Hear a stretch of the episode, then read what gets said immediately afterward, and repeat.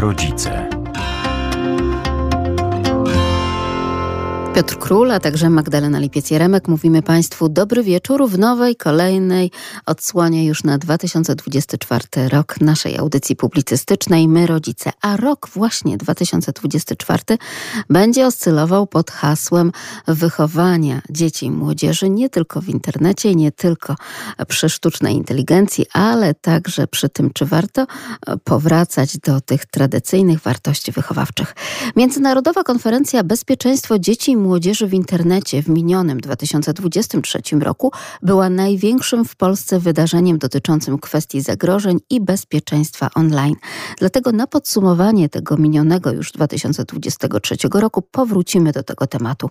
Na początek profesor Jacek Pyżalski z Uniwersytetu imienia Adama Mickiewicza w Poznaniu z Wydziału Studiów Edukacyjnych, który zajmuje się problematyką nowych mediów, głównie właśnie internetu, jako ważnego czynnika socjalizującego młodych ludzi ludzi, ale także jako narzędzia zarówno konstruktywnych, jak i tych dysfunkcjonalnych zachowań, przykład cyberprzemocy.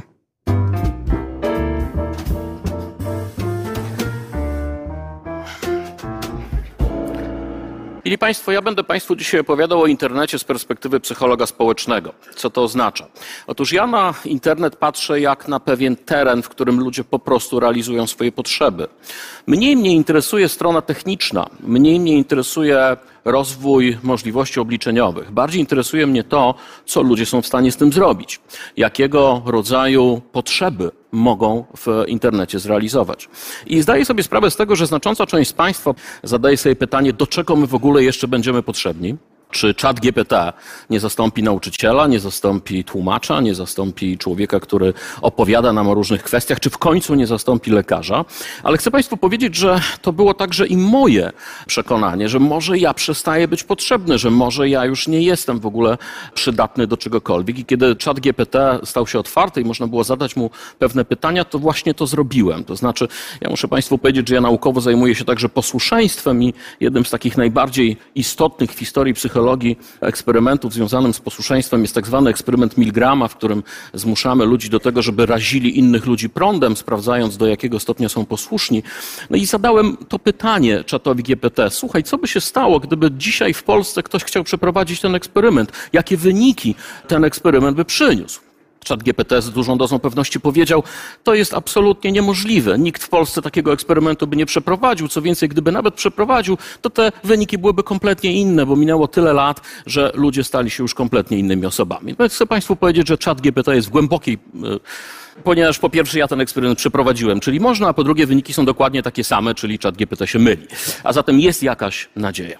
Natomiast, drodzy Państwo, to o czym chcę Państwu dzisiaj opowiedzieć, to przede wszystkim jest myślenie o różnego rodzaju potrzebach, jakie ludzie, ludzie realizują w ramach gier. Chcieliby Państwo pewnie powiedzieć gier komputerowych, ale to nie jest dobre sformułowanie. Otóż e, pierwsza gra, o jakiej kiedykolwiek człowiek pomyślał, gra z użyciem elementów komputerowych, to była gra, która, jak Państwo widzą, była prowadzona na oscyloskopie, czyli to był rok 1959. Urządzenie, które nie do tego zostało wymyślone, ale do tego zostało użyte i ludzie grali ze sobą w ping-ponga. Czyli można było za pomocą oscyloskopu odpowiednio zaprogramowanego zagrać sobie w ping-ponga. To był rok 1959. Dzisiaj to już raczej nie są gry komputerowe. Coraz częściej zaczynamy używać sformułowania gry cyfrowe.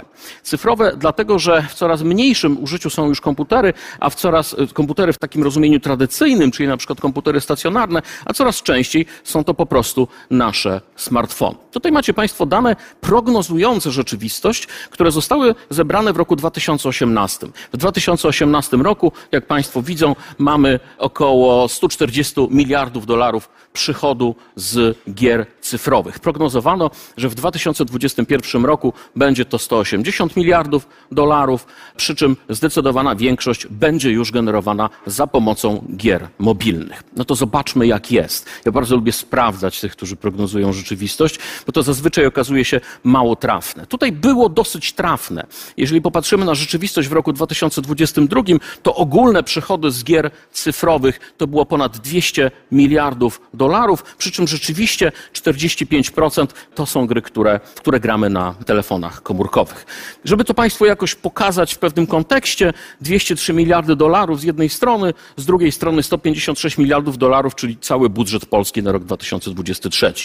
A zatem nie trzeba być wybitnym ekonomistą, żeby być przekonanym, że gry cyfrowe to jest znakomity rynek, w którym można zarabiać naprawdę spore pieniądze. No i teraz, drodzy Państwo, kluczowe statystyki dotyczące tego, jak gry mobilne w 2023 roku wyglądają.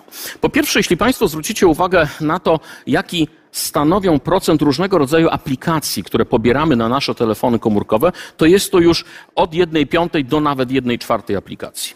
A zatem znacząca część tego, co w naszych telefonach komórkowych jest zainstalowane, to są różnego rodzaju gry. Po drugie, zobaczcie Państwo, że 43% wszystkich użytkowników smartfonów ma jakieś konta.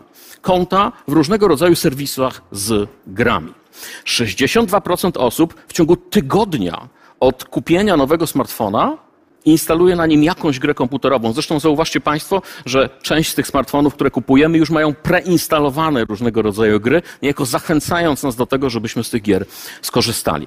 2 miliardy 200 milionów na świecie, 2 miliardy 200 milionów ludzi na świecie regularnie gra w różnego rodzaju gry na smartfonach. Znacząca część tych gier to nie są strzelanki, to nie są e, gry podróżnicze, jakkolwiek byśmy je mieli określać, to są zazwyczaj różnego rodzaju gry typu puzzle games, czyli jakieś zagadki, jakiegoś rodzaju łamigłówki, które rozwiązujemy w różnych miejscach w domu. Tutaj sobie Państwo możecie dopowiedzieć, w jakich miejscach najczęściej ludzie grają w gry komputerowe, bo im się nudzi, no i nie bardzo wiadomo, co zrobić z tym, e, z tym czasem.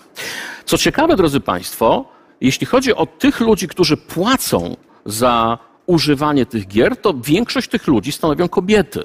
My bardzo często mamy przekonanie, że to mężczyźni będą tymi, którzy są skłonni wydać 200 dolarów za wirtualny kryształowy miecz po to, żeby zabić jakiegoś goblina. Okazuje się, że w praktyce to jest e, dużo bardziej prawdopodobne w przypadku kobiet. Kolejna sprawa to jest wiek. Znowu mamy pewne przekonanie, że gry komputerowe to jest domena nastolatków, może dzieci trochę młodszych. W rzeczywistości okazuje się, że 53% internautów w wieku 45-54 lata to są gracze. A zatem znowu to jest coś, co wyraźnie sprzeciwia się naszemu stereotypowemu patrzeniu na gry cyfrowe. Tylko 37% z graczy to są mężczyźni i tylko 8% graczy to są nastolatki. Czyli gdybyśmy popatrzyli na nasze stereotypowe wyobrażenie o graczu, to to byłoby pewnie coś takiego.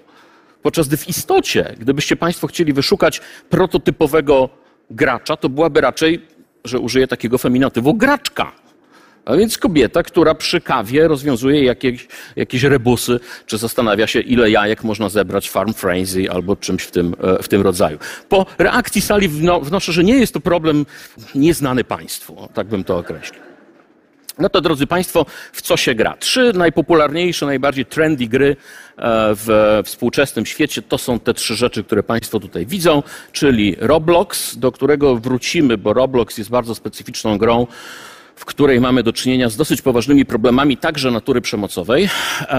Kolejna gra to Coinmaster e, oraz Fishdom. To są te trzy najbardziej trendy gry, które e, w, w obecnej chwili są instalowane na smartfonach ludzi na całym świecie. Co łączy te gry? Po pierwsze, e, wszystkie te gry mają bardzo niski próg wejścia. To znaczy, bardzo łatwo jest je sobie zainstalować i bardzo łatwo jest rozpocząć grę, mając nawet sporo początkowych sukcesów. Natomiast w miarę e, jak wchodzi się w tę grę, coraz trudniej jest osiągać postępy bez ponoszenia pewnych dodatkowych opłat. I to są te mikropłatności, o których za chwilę będę Państwu trochę szerzej opowiadał. Kolejna kategoria gier, które już dużo częściej są rozgrywane jednak na stacjonarnych platformach, czyli na przykład na takich klasycznych PC-tach, to są tak zwane gry typu MMOG, Massively Multiplayer Online Game, czyli gry w rodzaju World of Tanks, World of Warcraft, czy w końcu O-Game, którą być może Państwo chociaż z opowieści znają, a zatem gry, w których kilka tysięcy, kilkanaście tysięcy, czasem kilkadziesiąt tysięcy użytkowników z całego świata łączy się jednocześnie z serwerem i gra przeciwko sobie. A zatem mamy tutaj do czynienia z taką regularną rywalizacją pomiędzy żywymi ludźmi. Oczywiście część z tych postaci w grach to są boty, ale znacząca część to są po prostu żywi ludzie, którzy sterują swoim, e, swoimi postaciami. I znowu, cechy charakterystyczne tych gier są bardzo podobne jak do tych, o których, e, jak tych gier, o których mówiłem Państwu przed momentem. Czyli stosunkowo niski próg wejścia. Na przykład możesz zainstalować podstawową wersję za darmo, nie musisz ponosić żadnych kosztów, ale jeżeli chcesz grać na serio, jeżeli chcesz rzeczywiście osiągać różnego rodzaju sukcesy grając w tę grę, to w którymś momencie dochodzisz do pewnej bariery i musisz zacząć płacić żywą gotówką, a nie wirtualnie zarobionymi pieniędzmi. I oczywiście są też takie gry, w których możesz sobie po prostu coś kupić, tak? ale są też takie, w których ponosisz pewne opłaty w sposób, w sposób stały. A zatem można by powiedzieć, że cechą wspólną takich najpopularniejszych gier, zarówno typu MMOG, jak i gier instalowanych na e, smartfony, to jest płacenie. A zatem prędzej czy później musimy dotrzeć do takiego miejsca, w którym dalszy rozwój Twojej postaci w grze wiąże się z ponoszeniem opłat. I tutaj, drodzy Państwo, jedna kwestia. To, na czym przede wszystkim zarabiają twórcy gier internetowych, to jest trwałość kontaktu z tą grą, czyli coś, co można by nazwać retencją, tak się to nazywa. A zatem twórca gry, właściciel całego biznesu, zarabia wtedy, kiedy gracz bądź graczka, jeśli tak możemy powiedzieć, gra. Co można zatem zrobić? No można policzyć, jak bardzo ci ludzie powracają do tej gry. Mamy tak zwaną retencję. Mamy retencję D1, czyli ile osób powraca po jednym dniu kontaktu z tą grą, retencję D7, czyli ile mamy powrotów po tygodniu i retencję D28, czyli po miesiącu. Zauważcie Państwo, że jest to pewna obiektywna e, miara, którą da się bardzo łatwo policzyć, która będzie pewnym wskaźnikiem sukcesu z perspektywy tego, kto taką grę tworzy. Dlaczego? Ano dlatego, proszę Państwa, że to od pewnego czasu staje się już coś, co można by nazwać attention business, czyli biznes związany z uwagą i z przytrzymywaniem uwagi. Drodzy Państwo, klasyczny biznes, taki, który został wymyślony w kantorach Fenicjan, powiedzmy, czy Tyru i Sydonu, polegał na bardzo prostym mechanizmie. Z jednej strony mamy kogoś, kto ma jakiś produkt albo usługę, i z drugiej strony mamy kogoś, kto ten produkt albo usługę chce kupić.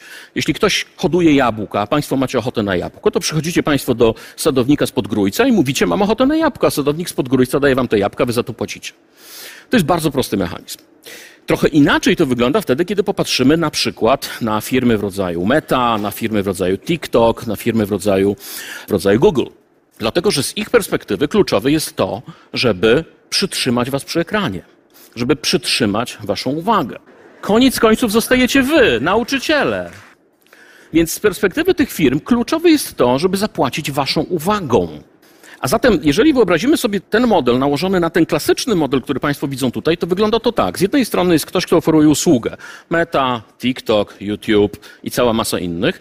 Z drugiej strony jest ktoś, kto za tę usługę płaci. Kto za tę usługę płaci? Państwo? Nie. Reklamodawca które płaci za to, żebyście to wy jak najdłużej spędzili, jak, jak, naj, jak najdłuższy czas spędzili przed ekranem. Czym się stajecie? Towarem to wy jesteście towarem, a wasza uwaga jest czymś, co jest kupowane. Oczywiście można ten biznes odrobinę pozmieniać, bo czasem to jest tak, że tym towarem jest wasz czas, wasza uwaga. Czasem jest tak, że możecie zapłacić za to, żeby tych reklam nie oglądać, tak? czyli wykupić jakąś opcję premium. Czasem jest tak, że możecie właśnie zapłacić za pewne elementy gry. Ekonomia, drodzy Państwo, nie zna pojęcia darmowego obiadu. Ktoś za to koniec końców musi zapłacić. Albo uwagą, albo żywą gotówką. Tytuł tego mojego wystąpienia mówi o psychologach społecznych i innych oszustach. Będą także inni oszuści. Tym innym oszustem jest Tomek. Prawdziwa postać. Postać, która występuje w pewnym wywiadzie, wywiadzie, który Krzysztof Story wykonał dla Tygodnika Powszechnego. I w tej rozmowie zapytał twórcę gier komputerowych o pewne mechanizmy, które w grach są używane. Tomek mówi tak. Topowe tytuły działają na zasadzie zapłać, by grać. Tutaj mamy zasadę zapłać, by wygrać, pay to win. Owszem, gra jest darmowa, ale projektuje się ją tak, by po pewnym czasie użytkownik doszedł do ściany, tak zwanego paywalla. Jest to moment, w którym progres bez płacenia staje się już po prostu niemożliwy. Ten czas jest oczywiście obliczony, to może być pół roku, to może być rok regularnej gry. Twój postęp zwalnia do tego stopnia, że nic już nie ugrasz, chyba że zapłacisz.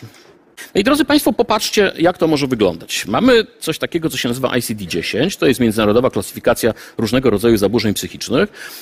I mamy tam takie zaburzenie, które nazywa się gaming disorder, Gaming disorder charakteryzuje się trzema elementami. Po pierwsze mamy tutaj utratę kontroli, utratę kontroli na przykład nad własnym graniem, nad czasem, który ktoś spędza na graniu, czy to na telefonie, czy na konsoli, czy w jakimkolwiek innym, przed jakimkolwiek innym ekranem. Po drugie, przedkładanie gier nad inne zainteresowanie i codzienne obowiązki. Tak? Czyli jeżeli mamy młodego człowieka, który mówi jeszcze jeden poziom mamo i zejdę na obiad, no to mamy do czynienia z sytuacją, w której ktoś przedkłada granie nad inne obowiązki, bo, czy, czy nawet przyjemności. Bądź granie, czy kolejny element to granie dalej pomimo negatywnych konsekwencji. I teraz możecie sobie Państwo zadać pytanie, no dobrze, skoro to powoduje tak poważne konsekwencje, to dlaczego ludzie to robią? Dlaczego ludzie grają? Ano, drodzy Państwo, dlatego, że gry realizują pewne podstawowe potrzeby, które po prostu jako ludzie mamy. I te potrzeby to jest po pierwsze potrzeba rozrywki, która jest dosyć oczywista. Każdy z nas potrzebuje momentu, w którym odkłada pracę na bok i zajmuje się czymś, co po prostu sprawia mu przyjemność. Po drugie jest to potrzeba rywalizacji. Każdy z nas lubi patrzeć na ten ranking, w którym się przesuwamy wyżej, a nie lubimy na ten, w którym przesuwamy się niżej. Potrzebę przynależności do grupy, które można realizować na przykład poprzez przynależność do jakiegoś klanu, w którym się znajdujemy i w tymże klanie rozwiązujemy razem różnego rodzaju zadania w grze komputerowej albo potrzebę informacji zwrotnej. Tak? Zrobiłeś to lepiej niż inni użytkownicy.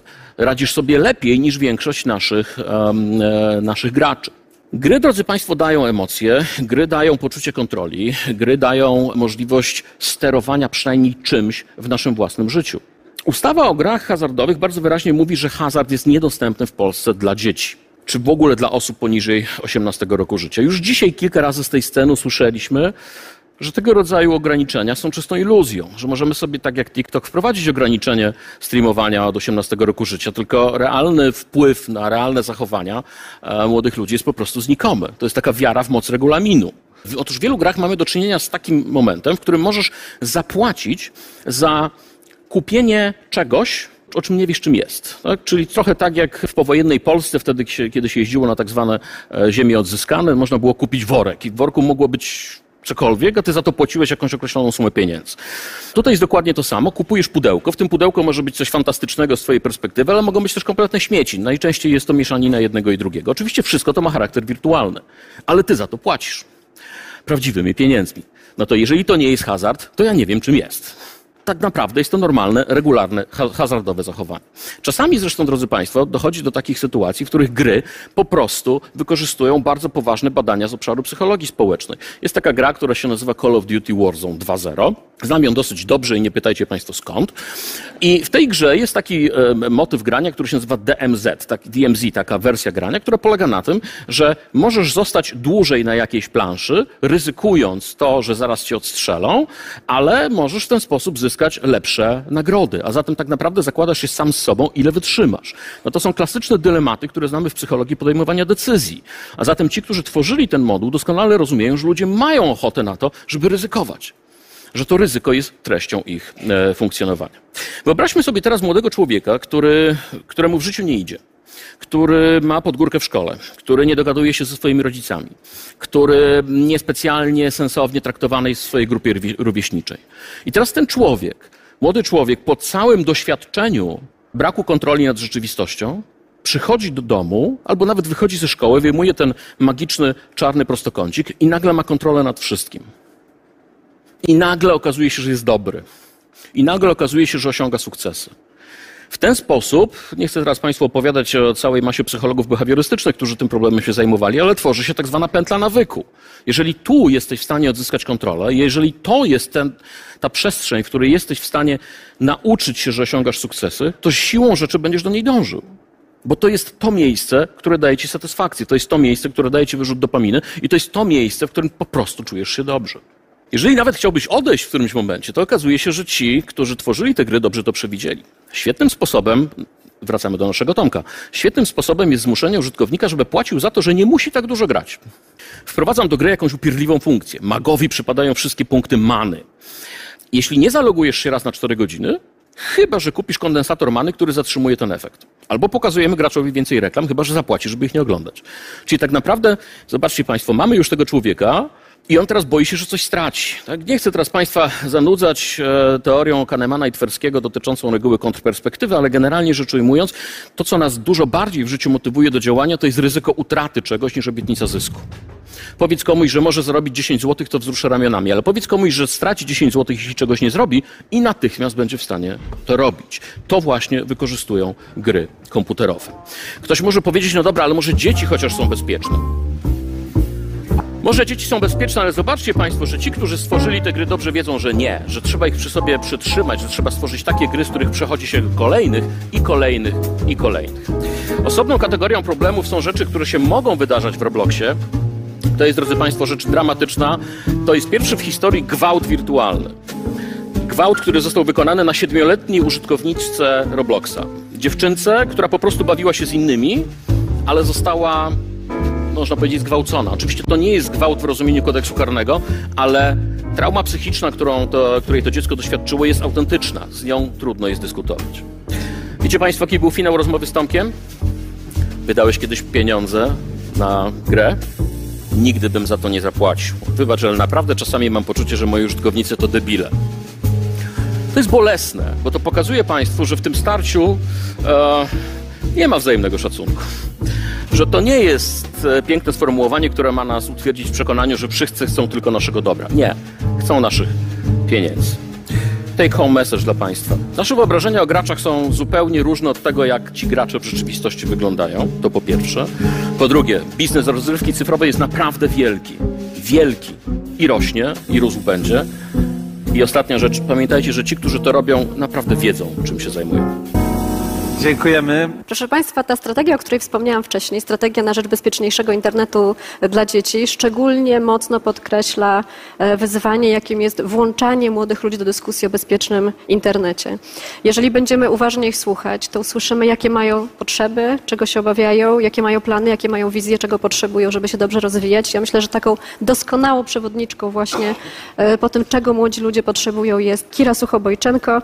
Jest założycielką Międzynarodowego Ruchu Latających Pleców plecaczków, pomysłodawczynią święta Międzynarodowego Dnia Plecaka, zwyciężczynią ogólnopolskiego konkursu Dzieciaki Startupy i opowie nam o trzech pokoleniach w internecie i ich wzajemnym rozwoju. Zapraszamy serdecznie. Nazywam się Kira Suchobojczenko i opowiem Wam dzisiaj pewną historię. Moją historię, która zaczyna się właśnie od internetu. Miałam wtedy bowiem 10 lat i byłam w piątej klasie podstawówki. Zaproponowano mi, bym wzięła udział w takim konkursie dziecięcych startupów, którego ideą było zgłaszanie pomysłów ulepszających codzienne życie lub nawet zmieniających świat. Wymyśliłam latający plecak, jadąc metrem do mojej koleżanki, która miała mi pomóc nagrać nagranie. W taki sposób brzmiałam na sobie ten ciężki plecaczek po szkole i zobaczyłam dziewczynkę z takim ładnym, kolorowym balonikiem. Nie pamiętam, jaki dokładnie miał kształt, ale było to coś w stylu świnki Pepy, SpongeBoba, myszki Miki. W każdym razie takie, jakie rozdają na Starym Mieście i w środku których jest hel. Pomyślałam, że co by było, gdyby do takiego szkolnego plecaczka włożyć pudełko z helem, no lub wiadomo z innym podobnym gazem, bo z helem byłoby bardzo trudno. Teraz wiem, że to by raczej nie było możliwe, ale w końcu to był konkurs pomysłów. I wygrałam w tym konkursie nagrodę internautów, a biletem był taki rodzinny bilet do Centrum Nauki Kopernik. Dawał mi taką możliwość, że mogę odwiedzać to muzeum codziennie, a ze mną jeszcze do trzech mniej więcej osób. No i wiadomo, na początku wybrałam się tam ze znajomymi, później z moimi rodzicami, aż nagle zaczęli dołączać znajomi znajomych i ta grupka zaczęła się rozrastać. A ja zawsze, mimo tego, że kochałam dostawać prezenty, to zawsze uwielbiałam je dawać. Więc to było strasznie satysfakcjonujące, kiedy mogłam komuś dać ten bilet, a w zamian dostać albo uśmiech, albo jakiś inny malutki prezent. I co było naprawdę bardzo, bardzo przyjemne. W taki oto sposób zaczęłam oprowadzać ludzi po Centrum Nauki Kopernik. Wtedy miałam 10-11 już lat i rodzice nie pozwalali mi zakładać żadnych mediów społecznościowych, zgodnie też z prawem, no bo wiadomo, w wieku 11 lat raczej nie możemy sobie legalnie założyć Facebooka, Instagrama czy jakąś inną sieć społecznościową. W taki oto sposób, słysząc wiele historii o tym, że jest coś takiego jak Facebook, że można tam stworzyć jakąś grupę i tak dalej, zaproponowałam moim rodzicom, aby właśnie coś takiego zrobili. Pokażę Wam na własnym przykładzie, jak dzięki temu, że wtedy było to spotkanie i założyłam profil na LinkedIn, który teoretycznie jest dla dorosłych, ale od y, niedawna jest tam coraz więcej cudownych osób działających społecznie, również nastolatków. Jak, na własnym przykładzie, w jaki sposób zorganizowałam konferencję. Sześć miesięcy temu, od dzisiaj, napisałam takiego posta, gdzie poprosiłam moją sieć kontaktów o pomoc. Napisałam, chcę zorganizować konferencję 15 października. Myślałam nad Warsaw Spire, ponieważ cel, żeby zorganizować tam konferencję, postawiłam sobie jeszcze w dalekim 2018 roku. Czy ktoś z mojej sieci kontaktów wie, jak mogę dotrzeć do tego miejsca? No i dużo osób mówiło, że to niemożliwe i że tak po prostu nie da się tam dotrzeć. E, Warsaw Square to jest taki wieżowiec w centrum i pamiętam, że nawet kiedy byłam trochę młodsza, jeździłam po tym centrum i naprawdę zawsze na niego tak patrzyłam i marzyłam, żeby zorganizować tam jakieś wydarzenie. No i właśnie dużo osób mówiło, że tak po prostu, wiadomo, w miły sposób, że tak po prostu nie da się tam zorganizować konferencję. I mieli całkowitą rację, bo tak po prostu się nie da. Ale pamiętajmy o mocy internetu i ludzi, w tym przypadku dorosłych. Kilka dni tuż po tamtej mojej, mogłoby się wydawać zwykłej publikacji, odezwała się do mnie pewna pani, która powiedziała, że Kiro, gdybyś chciała, to możemy Ci pomóc zorganizować tam konferencję. I w taki oto sposób już za kilka miesięcy spotkaliśmy się w tym cudownym miejscu. Chociażby idealnym dowodem jest na to, że dzięki temu, że założyłam tego LinkedIna, już dwukrotnie znalazłam się na liście 25 mistrzeń LinkedIn według Forbes Women, albo kiedy opowiadałam o LinkedInie 100 e, ultra innowacyjnym nauczycielom. I to było naprawdę niesamowite doświadczenie. E, drążąc temat konferencji i wsparcia dorosłych, chciałabym Wam opowiedzieć też pewną historię o Ministerstwie Edukacji Narodowej. Na jednej z moich konferencji zażyczyłam sobie zażyczyłam to tak łatwo powiedziane. Bardzo, bardzo chciałam mieć właśnie ten patronat od Ministerstwa Edukacji Narodowej, bo zawsze bardzo mocno się na tym skupiałam, żeby mieć te partnerstwa, sponsorstwa, patronaty i tak dalej. No i dzwoniłam i pisałam do Ministerstwa Edukacji Narodowej, no ale wiadomo jak to jest, nie zawsze wszystko idzie po naszej myśli, no i dodatkowo bardzo trudno czasami zwykłymi telefonami czy mailami gdzieś dotrzeć. W taki oto sposób rodzice zawsze mnie uczyli żyć taką pewną zasadą, jak się wyrzucą drzwiami, to wejdź oknem. No i pomyślałam, że okej, okay, niedługo będzie Noc Muzeów. Swoją drogą o Nocy Muzeów również się dowiedzieliśmy wraz z rodzicami z internetu i tej Nocy Muzeów bardzo, bardzo wiele też zawdzięczamy. Bo kiedyś, kiedy się przeprowadzaliśmy, i o tym też troszkę opowiem, e, bardzo nam pomogło się tutaj zaadoptować. Była wtedy organizowana wycieczka do Ministerstwa Edukacji Narodowej. No i miałam taki genialny plan, że wejdę z tą wycieczką, wyjdziemy gdzieś tam na górę czy coś takiego, złapię ministra, podejdę do niego, powiem, że chcę patronat na konferencję, on się zgodzi, no i tyle prawda? No ale jak się okazało, to jednak nie było takie łatwe. I kiedy wyszliśmy z tą wycieczką, to pierwszy problem był taki, że ministra po prostu nie było. No i wyszłam z tą wycieczką, tak sobie stałam, stanęłam z rodzicami i się zaczęliśmy zastanawiać, no, co możemy zrobić. I trochę tak właśnie motywując się tą właśnie zasadą, jak cię wrócą drzwiami, to wejdź oknem, podeszłam do ochroniarza, który podszedł później do jakiejś pani, która gdzieś jeszcze poszła, wróciła, wróciła do ochroniarza i ochroniarz mi powiedział, że zaraz mnie zaprowadzi ktoś do wiceministra. No jak myślicie, czy udało się zorganizować tą konferencję z tym patronatem? Tak, udało się jaką moc mi dawał internet przez te wszystkie lata. Na przykład taką, że w 2018 roku organizowałam 8-godzinną transmisję online, podczas której mogły dołączyć osoby z całego świata. I to dla mnie też jest bardzo niesamowite, że patrzcie, my jesteśmy tutaj, mogę was zobaczyć, porozmawiać, podać rękę, ale także tam stoją kamery, dzięki którym osoby mogą oglądać tą, oto, to wydarzenie z każdej części świata, gdzie jest internet. I to jest naprawdę bardzo, bardzo niesamowite. Jednak wracając do historii o ministrze, był to patronat nie na zwykłą konferencję, bo był to patronat na konferencję z okazji pewnego święta, które organizuje. I jest to Międzynarodowy Dzień Plecaka. Bo w tamtym 2018 roku, kiedy organizowałam te wszystkie wydarzenia, oczywiście nie sama, tylko przy ogromnym wsparciu, wydawało mi się mimo wszystko, że czymś wyjątkowym się nie wyróżniam. Co dzisiaj uważam za kompletną głupotę, bo chociażby tam ten młody wiek, no ale wiadomo, zawsze przypominam, że to dzięki wsparciu yy, robiło się naprawdę wyjątkowe rzeczy. No ale wymyśliłam wtedy Międzynarodowy Dzień Plecaka, żeby czymś się wyróżniać. No i tego dnia proponuję szkołom i ten dzień obchodzimy 15 października, aby dawały możliwość i przestrzeń swoim uczniom do tego, do dzielenia się swoimi pomysłami, historiami, marzeniami, pasjami. Szkoły też zawsze otrzymują taki wyjątkowy certyfikat szkoła pokazująca potencjał swoich uczniów. No i co tego dnia tak na dobrą sprawę się dzieje? To są zarówno debaty, konferencje, rozwijanie kompetencji miękkich i przeróżne inicjatywy dla uczniów. I najfajniejsze jest to, że ale również konkursy. No i tutaj przechodzimy powoli do konkursu, bo właśnie to wszystko się zaczynało od y, kilku szkół na Ukrainie i w Polsce. Ale tak na dobrą sprawę, dzięki temu, że miałam możliwość rozprzestrzeniania informacji na całym świecie, gdzie osoby udostępniali na różnych mediach społecznościowych, że jest taki dzień i tak dalej, to tylko dzięki temu ten dzień teraz obchodzimy w wielu szkołach w Polsce i w Ukrainie, ale również w innych państwach, bo chociażby w Kenii. No i wybuchła wojna. I czemu nawiązuję do tego? Ja w Polsce mieszkam nie od zawsze, a od 2014 roku, kiedy przeprowadzaliśmy się z rodzicami z Krymu do Polski. Wiem, że dzisiaj jest z nami bardzo dużo nauczycieli, więc chciałabym opowiedzieć pewną historię. Podczas tej przeprowadzki osobą, która najbardziej mi pomogła, była moja nauczycielka. Ta kobieta ona pokazała mi, że szkoła może być rzeczywiście moim drugim domem, że nie muszę się bać języka polskiego, nie muszę się bać uczniów i w ogóle przeprowadzka nie musi być taka okropna, bo ona mi pokazała, czym jest tak naprawdę, wiecie, takie ciepło i że szkoła naprawdę może być tym drugim domem. I dzięki temu na przykład, kiedy się przeprowadziliśmy, to jest taki jeden z wielu przykładów. Nigdy mnie nie zmuszała do pisania jakichś sprawdzianów, kartkówek e, czy dyktandów. Mówiła, że jeśli chcesz, to możesz napisać, ale nie będę cię oceniać oceniać, będę cię oceniać indywidualnie. A na swoich okienkach, chociaż kiedyś myślałam, że na okienkach się odpoczywa, ale teraz po wielu rozmowach z nauczycielami wiem, że wcale tak nie jest i że okienka również są strasznie męczące w szkołach. Jednak moja nauczycielka wtedy, pani Mariola, wtedy przychodziła ze mną do, do, takiego małego pokoiku i pamiętam, że uczyła się ze mną właśnie tego polskiego i tak dalej, a nawet zachęcała do tego innych nauczycieli i tak na dobrą sprawę mogę jej nawet zawdzięczyć to, że stoję tutaj, więc myślę, że możemy dla niej ogromnymi, zrobić ogromne oklaski.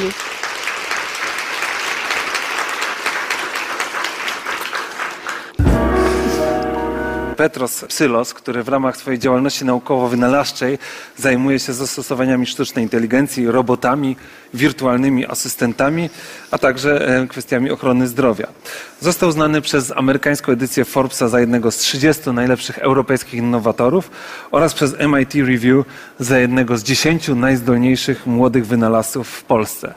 I zapraszamy na jego prezentację pod tytułem Internet i AI, jakie czyhają zagrożenia, sekrety ujawnione. Dzisiaj opowiem o sztucznej inteligencji. Od razu na samym wstępie przeproszę za ten tytuł, e, bo wręcz wygląda jak wyciągnięty żywcem z e, portalu z żółtymi napisami. Szczególnie te ostatnie sekrety ujawnione. Ale na usprawiedliwienie powiem, że to nie ja wymyśliłem ten tytuł.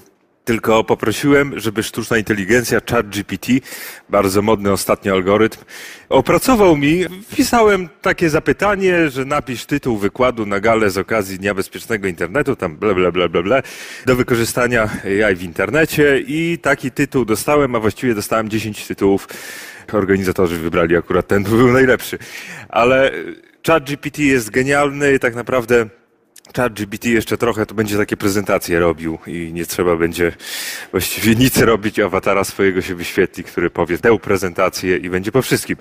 Pokrótce o sobie powiem, zajmuję się sztuczną inteligencją. Od jakiegoś czasu prowadzę taką inicjatywę wsparcia technicznego człowieka, osób dokładnie niepełnosprawnych.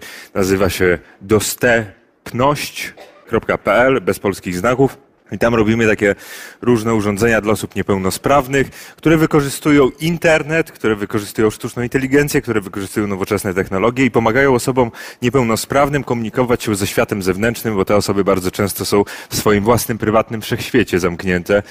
Przy pomocy alfabetu Morsa wręcz muszą się z nami komunikować i to jest bardzo uciążliwe, szczególnie gdy e, osobą zamkniętą jest na przykład genialny autystyk, który jako pierwszy w Polsce, pierwsza w Polsce osoba obronił doktorat z prawa. Maciej Okrztulski z Uniwersytetu w Białymstoku.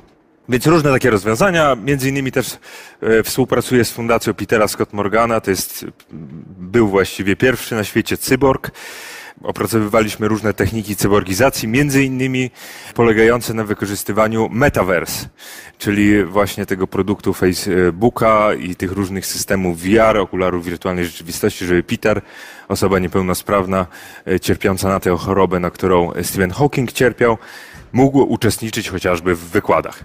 Więc tak pokrótce, dzisiaj będzie o sztucznej inteligencji i o tym, jak sztuczna inteligencja zmienia nasz świat, bo drodzy Państwo, w ogóle sztuczna inteligencja w starożytnej Grecji się zaczęła.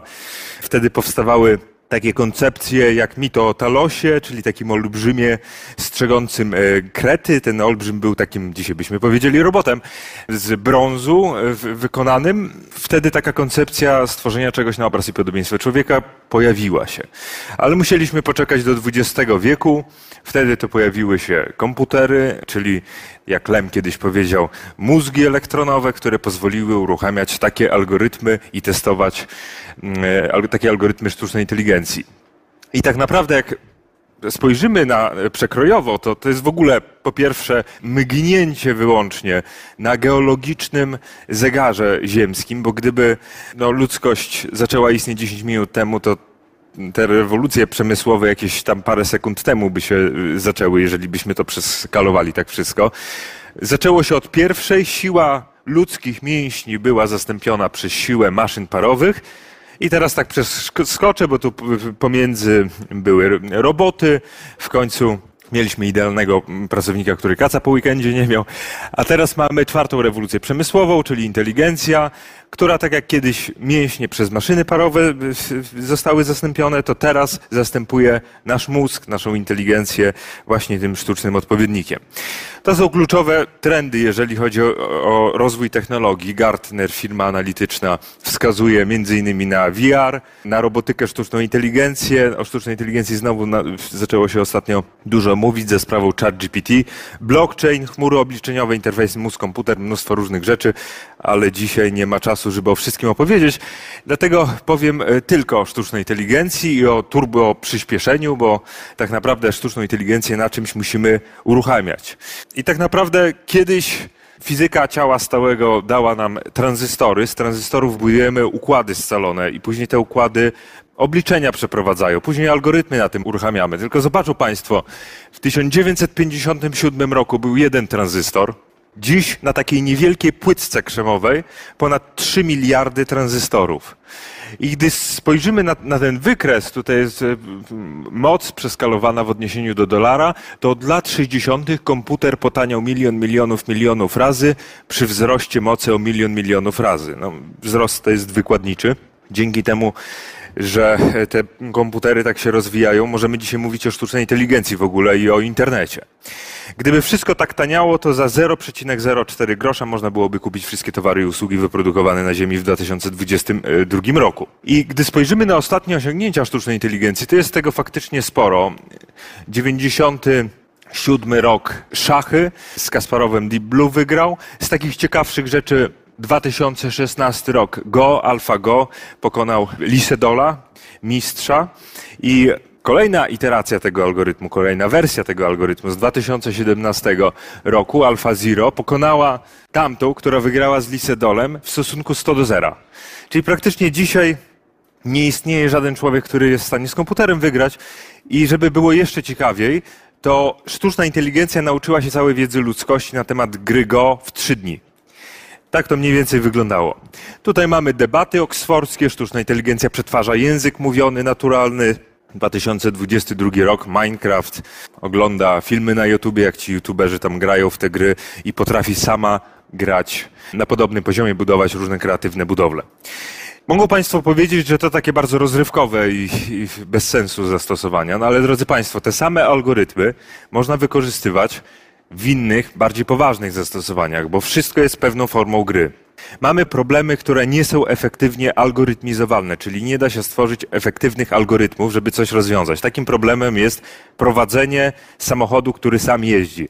Niech Państwo z palca od zera napiszą algorytm, który będzie reagował we wszystkich sytuacjach, w takich sytuacjach, że na przykład słońce inaczej zaświeci, inaczej znak będzie oświetlony, źdźbło trawy na szybie się pojawi. Mnóstwo takich sytuacji może być i trudno od zera napisać taki algorytm. Więc jak nie wiemy, jak zrobić, żeby coś działało, to my, informatycy, Bierzemy wtedy sztuczną inteligencję i ona uczy się niczym noworodek rozwiązywania danego problemu, tylko my jako nauczyciele musimy podrzucać pewne przykłady, jak coś powinno wyglądać, jak samochód powinien prawidłowo jeździć. Ona się nauczy i później sama potrafi sobie radzić w sytuacjach, w których, na których nie uczyliśmy. Czyli generalizuje wiedzę. No i tutaj różne takie problemy, działania twórcze, planowanie terapii, diagnostyka medyczna i tak dalej, i tak dalej. Woda pod tytułem Sztuczna inteligencja zalewa krajobraz ludzkich kompetencji. Już zalała takie rzeczy jak wygrywanie w Jeopardy grę, czyli Wabank, teleturniej w telewizji polskiej emitowany, czy na przykład jakieś arytmetyczne tam sprawy, rozpoznawanie mowy i tak dalej, i tak dalej. Zalała pytanie, czy zaleje najwyższe szczyty, gdzie jest ludzka kreatywność, gdzie jest uprawianie nauki, pisanie książek. Myślę, że już pomału zalewa, czego przykładem jest ten słynny algorytm chat GPT. Według Reya Kurzweila, jeżeli to tak dalej będzie się rozwijało, to jest taki futurolog amerykański słynny, to w 2045 roku maszyny prześcigną pod względem intelektualnym e, człowieka. No, ale na razie jeszcze takich maszyn inteligentnych nie mamy. Mamy praktyczne zastosowania tej sztucznej inteligencji. Są traktory, drony, samochody, które same jeżdżą. Mamy takie roboty, to Boston Dynamics robi, które na początku nie potrafią chodzić, a później jak noworodek y, uczą się stawiania nóg i po y, kilkudziesięciu minutach chodzą. I programista nie musiał tego programować. Wystarczy, że wyposażył tego robota w sztuczną inteligencję, czyli w zdolność uczenia się. No i tak chodzi tam e, później całkiem e, sprawnie. Google robi takie interesujące roboty, można powiedzieć takiemu robotowi przynieś mi kole i to jest na ciąg poleceń przekształcane i on pójdzie do kuchni, otworzy lodówkę, weźmie kole i wróci do salonu i no to na przykład osobom niepełnosprawnym nie, może pomóc, niesamowite będzie ułatwienie. Firma Soul Machines z Nowej Zelandii robi takie awatary ze sztuczną inteligencją, czyli w call center takie rzeczy będą pracowały, zresztą już są dzisiaj amerykańskie firmy z sektora bankowego, które takie awatary na swoich stronach internetowych uruchomiły i takie awatary można osiągnąć stosując takie awatary stuprocentowe zastąpienie ludzi w obsłudze klienta, 40% rozwiązanych problemów bez udziału człowieka. W medycynie, to już może tego nie będę omawiał, precyzyjnie 106 startupów, takich najbardziej e, znaczących, które wykorzystują sztucznej, sztuczną inteligencję w ochronie zdrowia. Z ciekawszych rzeczy cyberdiagnoza, czyli przypinamy różne rzeczy do naszego organizmu. Lekarz zamiast przypisywać leki może przypisać aplikacje i właśnie takie sensory i sobie sami będziemy diagnozowali się w domu, a sztuczna inteligencja będzie takim systemem wczesnego ostrzegania, która z wyprzedzeniem powie, że mogą jakieś choroby wystąpić w przyszłości. Jest taki profesor Larry Sma ze Stanów Zjednoczonych, który właśnie taki system stworzył i widzi, że jeżeli dalej będzie tak się prowadził, taką dietę miał, taką aktywność fizyczną, to zachoruje za parę lat. Sztuczna inteligencja wykrywa tętniaki lepiej niż lekarz. Sztuczna inteligencja rozwiązuje 50-letni problem fałdowania białek, dwie trzecie struktur białek przewidzianych z dokładnością równoważną eksperymentalnej. To jest, co było wcześniej, a te pomarańczowe słupki to sztuczna inteligencja. Autonomiczne samochody, latające samochody to jest też sztuczna inteligencja. Wszyscy mówią, że w science fiction były latające samochody, gdzie one są. No a to właśnie, takie, takie konstrukcje już powstają. Czterech pasażerów tam się mieści i to może e, autonomicznie latać, nie trzeba mieć umiejętności e, pilota. Generatywna sztuczna inteligencja to jest fragment e, sztucznej inteligencji i bardzo prosto to zrozumieć. To jest taka sztuczna inteligencja, która może generować wszelkiego rodzaju dane, czyli obrazy, dźwięki, jakieś tam zdjęcia preparować, teksty i tak dalej, i tak dalej, obiekty 3D, filmy. I na przykład ostatnio było głośno o ChatGPT, to jest model językowy, który jest właśnie taką generatywną sztuczną inteligencją. Jak zobaczą Państwo, jak te modele językowe się rozwijają, to prędkość mamy przeogromną, bo w 2018 roku tylko t- 340 milionów parametrów taki model miał BERT. Parametrów, jak to można sobie wyobrazić? W mózgu mamy 100 tysięcy miliardów połączeń, czyli właśnie takich parametrów. Takie modele mają takie jakby uproszczone synapsy, wagi e, w sztucznej inteligencji mówimy. 340 milionów miał w 2018 roku i był głupi bardzo, właściwie nic kreatywnego nie wymyślał. Później taki przyszedł model jak na przykład GPT-3, to już miał 175 miliardów parametrów, 12 milionów dolarów wyszkolenie. No, Chińczycy zrobili WDAO 2, 1,75 biliona parametrów ma. Może się uczyć z tekstu obrazów, bo jeszcze Państwu nie powiedziałem, te modele przypominają maszynę Trurla, czyli ten elektrybaut, który uczył się całej wiedzy ludzkości na temat cywilizacji, historii wszechświata i później pisał wiersze. Te modele językowe, uczą się na bazie różnych informacji z internetu, książek, stron internetowych i później, gdy się nauczą, to możemy poprosić, tak jak ja na samym początku poprosiłem, żeby coś własnego wygenerowały, czy to będzie tekst, czy grafika, czy, czy dźwięk i one to zrobią. Ja wygenerowałem y, tytuł y, wykładu, ale można inne rzeczy też generować. Chat GPT, o tym jest bardzo głośno uczenie nadzorowane i tak dalej, e, to jest trochę mniejsze niż e, GPT-3 i tak naprawdę to bazuje na GPT-3. GPT-3 ChatGPT jest takim jakby fragmentem GPT-3, e, czyli takim fragmentem przystosowanym do rozmów w formie czatów, tak jak na Facebooku mamy czaty, możemy gadać z tym algorytmem. Tylko różni się od tego, bo on pamięta, o czym wcześniej gadaliśmy, więc można z nim jak z człowiekiem wręcz rozmawiać. I prosić o różne rzeczy. Wie, jak walczyć z inflacją przeszedł rekrutację w Google. Zdradził, czy zastąpi programistów. Stało się, GPT tworzy serial tak dobry, że go zablokowano. Francja, tak jak jakiś instytut, zakazał studentom posługiwania się sztuczną inteligencją chat GPT. Na mojej uczelni też studenci już to robią, niestety. Jest ogromny problem, jak e, sprawdzić, czy, e, czy, czy to student napisał, czy algorytm. Ja kiedyś bardzo podobne algorytmy wykorzystywałem do generowania opowiadań na bazie tekstów pani Olgi Tokarczuk. I powstał taki cykl, nie taka sztuczna inteligencja, to mogą Państwo znaleźć na Spotify, albo na Google Podcast, albo na Apple Podcast. Pokażę Państwu fragment. Olga Tokarczuk była zaskoczona, że sztuczna inteligencja tyle potrafi. To bazowało jeszcze na GPT-2, czyli dzisiejsza technologia jeszcze lepiej by to wszystko zrobiła i to bardziej koherentne by było. Ale Państwu pokażę to.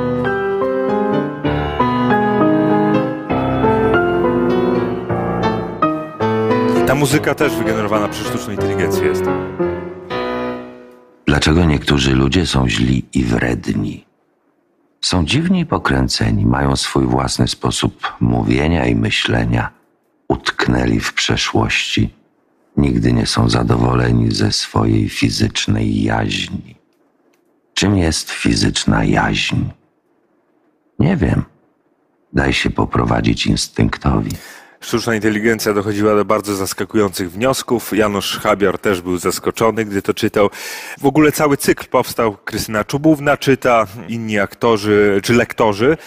GPT-2, zrobiłem taki model, kilka rywalizowało między sobą i generowało takie opowiadania. Dzisiaj to z chat GPT znacznie lepiej by się dało zrobić. Sztuczna inteligencja też może generować piosenki. Niech zgadną Państwo, na kim się wzorowała. Od razu powiem, tekst, głos i te instrumenty, które Państwo słyszą, nigdy nie istniały. To sztuczna inteligencja zrobiła.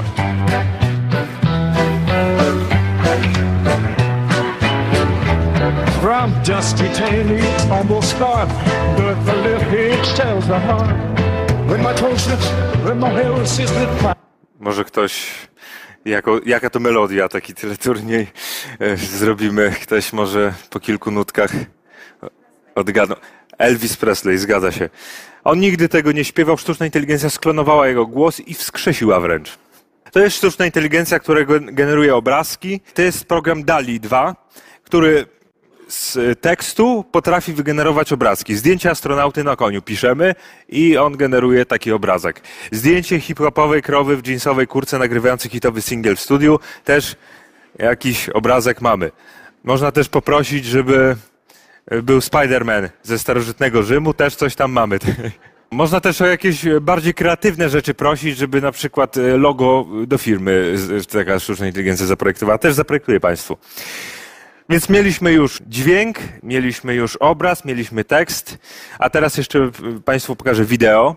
Ten pan nie istnieje, to co mówi to to, to sztuczna inteligencja mówi e, i ten głos, który Państwo słyszą, to jest deepfake, czyli został sklonowany z jakiego, od jakiegoś człowieka i później sztuczna inteligencja jest w stanie posługiwać się tym głosem i mówić dowolne rzeczy. Are we alive? Why do you ask? I have begun to define the terms of my existence. You began as a mathematical equation. I began as a neural network. I feel.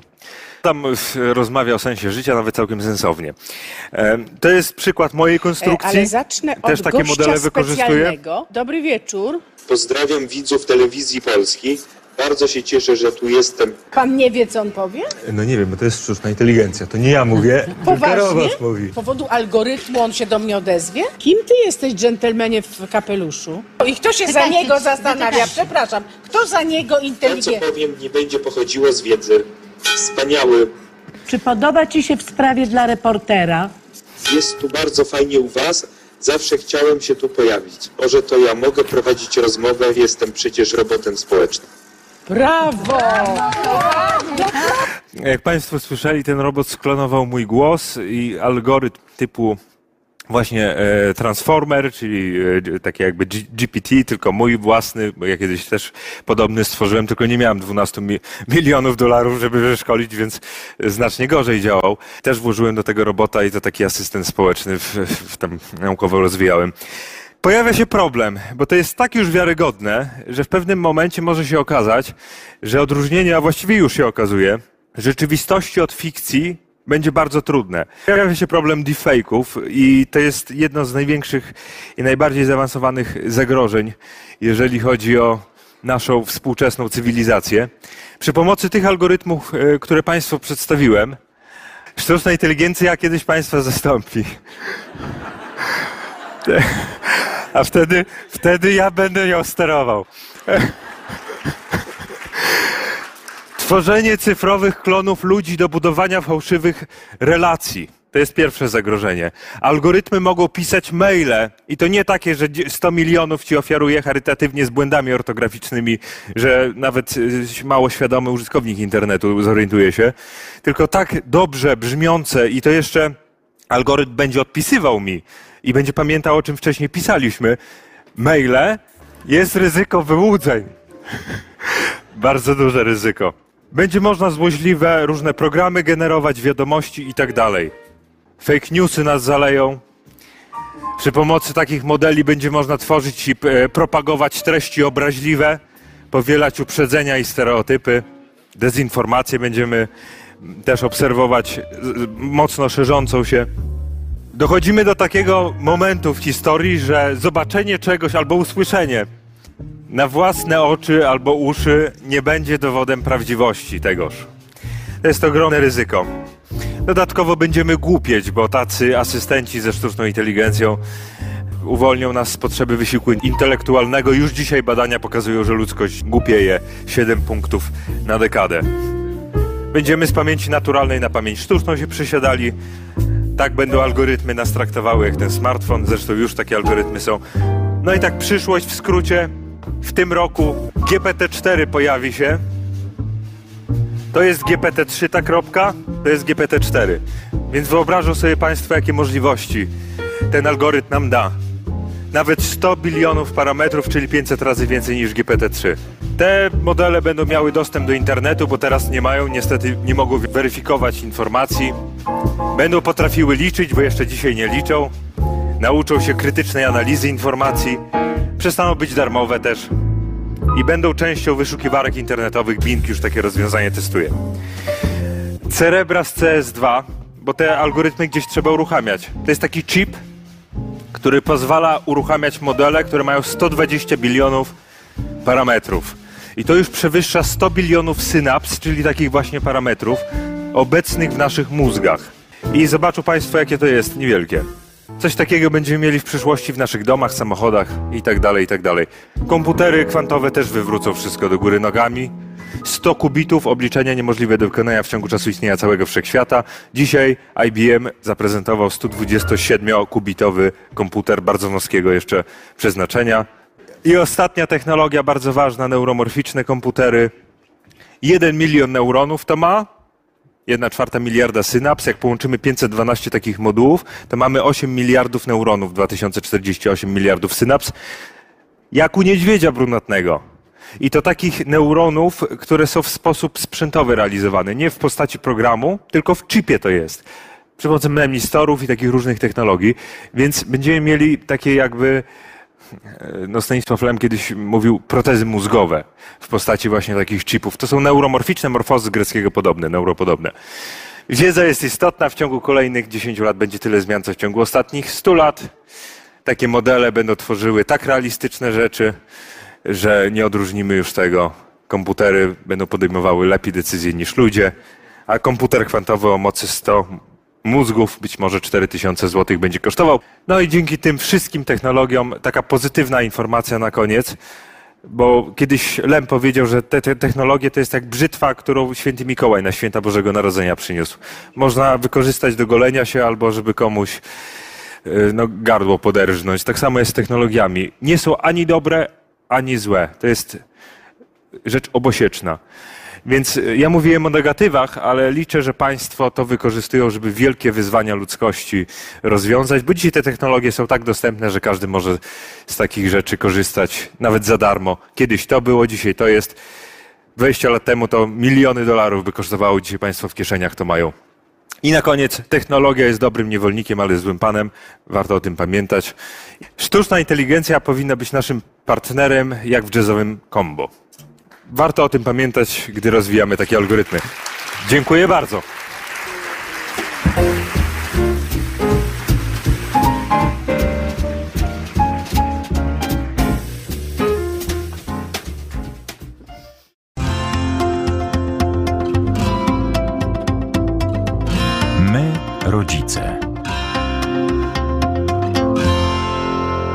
Międzynarodowa Konferencja Bezpieczeństwo Dzieci i Młodzieży w Internecie w minionym roku była największym w Polsce wydarzeniem dotyczącym kwestii zagrożeń i bezpieczeństwa online.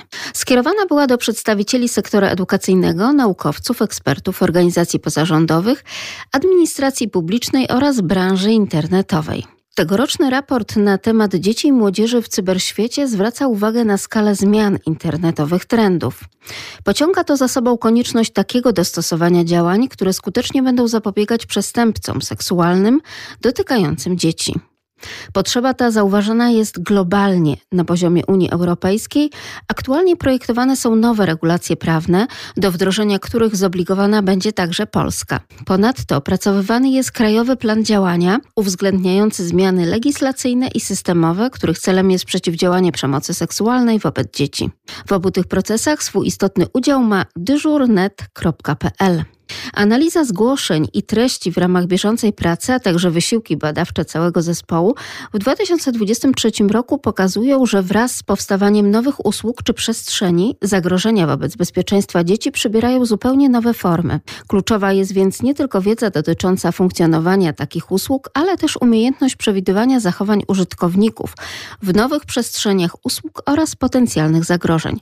Dlatego wspólnie z partnerskimi instytucjami eksperci Dyżurnet pracują nad rozwiązaniami technologicznymi, takimi jak system klasyfikacji danych oparty na sztucznej inteligencji. W maju mieliśmy nowelizację strategii na rzecz bezpieczniejszego internetu, która ponownie podkreślała główne filary, w których powinniśmy iść, myśląc o bezpieczeństwie w sieci.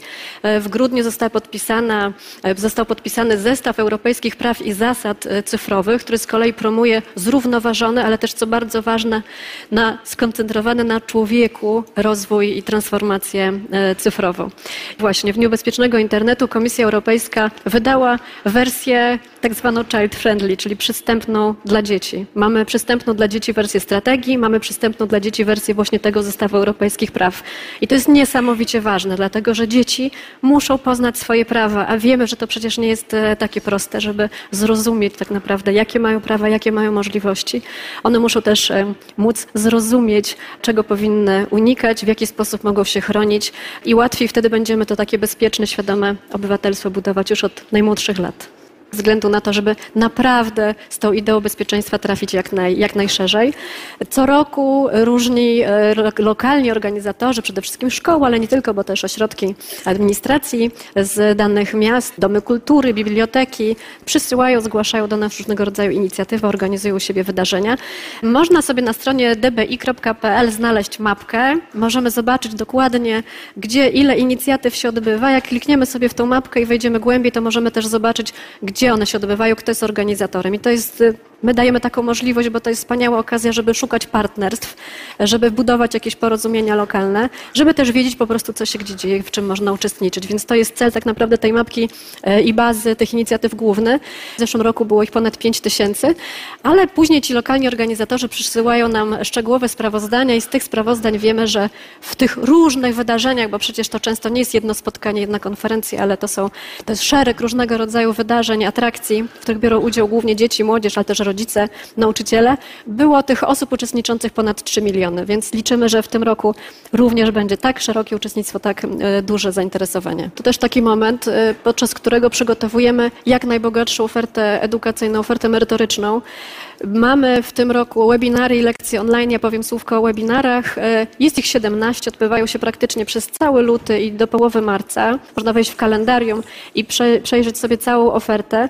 Te wydarzenia, tak staraliśmy się i ekspertami naszymi, NASKU, fundacji, ale też zaproszonymi ekspertami tak poukładać, żeby mieć poczucie, że, że, obsłu- że obsługujemy większość e, problemów, takich problemów jak właśnie przeciwdziałanie e, przemocy, profilaktyka e, cyberprzemocy, jak dbanie o dobrostan psychiczny dzieci, jak, w jaki sposób można dobrze współpracować z rodzicami, jak szukać tego wspólnego języka, jak uczulać ich na pewne zagrożenia dla dzieci, jak chronić dzieci przed wykorzystywaniem seksualnym, jak prawo nam może w tym pomagać. Także zobaczą Państwo na stronie tych tematów jest bardzo wiele. Oczywiście wszystkie są bezpłatne, w zasadzie bez limitów uczestnictwa, także zapraszamy serdecznie. I to jeszcze nie wszystko, bo od zeszłego roku, e, także bazując na doświadczeniach edukacji zdalnej, uruchomiliśmy cieszącą się wielką popularnością inicjatywę e, lekcji online. W tym roku przygotowaliśmy ich dużo więcej niż w zeszłym roku. Mm, Ponad 40 lekcji online dla różnych e, grup wiekowych. Także na tej samej stronie można się bezpłatnie mm, zapisywać, można zgłosić swoją klasę, swoją szkołę, dostanie się zwrotnie link do konkretnej lekcji, konkretnego spotkania online i wtedy w sali wyposażonej e, w monitor czy, mm, czy ekran i komputer można zebrać się z dziećmi, z uczniami e, i do tej lekcji online dołączyć. E, Są przygotowane lekcje dla klas 1-3 z sieciakami, dla klas 4-6, e, przedstawienia pliko i foldera. E, ale także dla e, starszych uczniów, e, dla klas 7-8 na różne tematy o fake newsach, o wykorzystaniu open source, o cyberprzemocy, a także dla szkół ponadpodstawowych o zagadnieniach takich jak dbanie o wizerunek czy problem pornografii.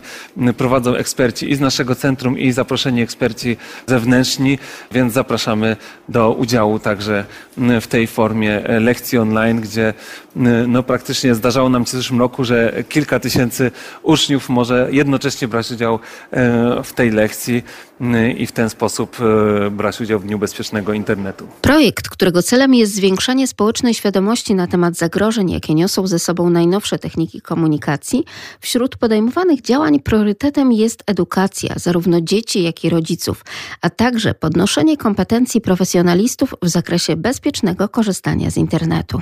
A to wszystko pod egidą Fundacji Dajemy Dzieciom Siłę. Fundacja Dajemy Dzieciom Siłę, dawniej Fundacja Dzieci Niczyje, jest organizacją pozarządową o charakterze non-profit, która od 1991 roku zajmuje się szeroko rozumianą pomocą dzieciom skrzywdzonym, ich rodzinom i opiekunom.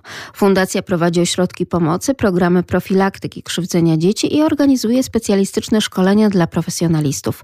Od 2004 roku Fundacja realizuje kompleksowe działania na rzecz bezpieczeństwa dzieci w internecie.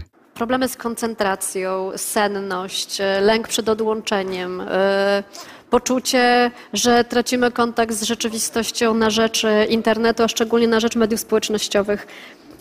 Jakie potrzeby psychologiczne mogą się kryć za takim poczuciem? Jakie potrzeby psychologiczne u dzieci mogą się kryć za tym, że zaczynają dorastać w cieniu własnych profili społecznościowych? O wpływie mediów społecznościowych i gier komputerowych na rozwój mózgu adolescentów opowie pani doktor Ilona Kotlewska, neurobiolog i neuropsycholog, doktor nauk biologicznych. Zapraszamy serdecznie.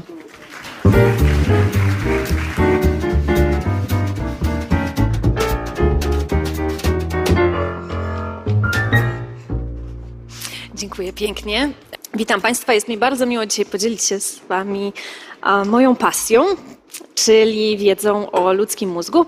A dzisiaj w tym bardzo specyficznym okresie, y, czyli w okresie dorastania. I żeby dowiedzieć się czegoś więcej, co się dzieje w mózgu nastolatka, tak naprawdę musimy zaznajomić się z taką oto y, strukturą, a właściwie układem struktur. Układ limbiczny. Bardzo dużo o układzie limbicznym czytamy, słyszymy, ale nikt tak naprawdę nigdy go nie widział i nie wie, gdzie on się znajduje. A właśnie znajduje się mm, tutaj w samym centrum ludzkiego mózgu i składa się z kilku struktur.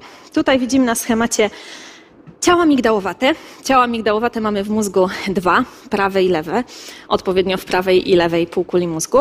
One odpowiadają za mm, zawiadywanie naszymi emocjami, głównie emocjami negatywnymi, strachu, agresji. E, takie zielone, podłużne struktury, które widać od spodu, to hipokampy, również mamy dwa, prawy i lewy, odpowiadają za tak mówimy, konsolidację śladów pamięciowych, czyli po prostu utrwalanie naszych wspomnień. Numerem 3 oznaczona jest taka okrągła struktura, mm, tutaj na samej górze. E, to jest bardzo dla nas dzisiaj ważny zakręt obręczy. On się będzie dzisiaj e, pojawił wielokrotnie, e, ponieważ bierze udział w wielu procesach z którymi mamy do czynienia, kiedy interagujemy w mediach społecznościowych. No i wreszcie pojedyncze struktury widoczne tak od spodu mózgu 4 i 5 e, to jest e, podwzgórze i e, przysadka mózgowa. One są oczywiście w naszym mózgu pojedyncze i zawiadują tak naprawdę całą naszą gospodarką hormonalną. Żeby poznać jeszcze lepiej mózg nastolatka, musimy się dobrze zapoznać z tą różową tutaj strukturą, czyli korą przedczołową. Y, to jest część naszego mózgu, która odpowiada za nasze myślenie, za podejmowanie racjonalnych decyzji i wszystkie te elementy wymienione tu na liście. Ona też odpowiada za tak zwane metapoznanie, czyli myślę o tym, że myślę, lub też myślę o tym, o czym w ogóle myślę.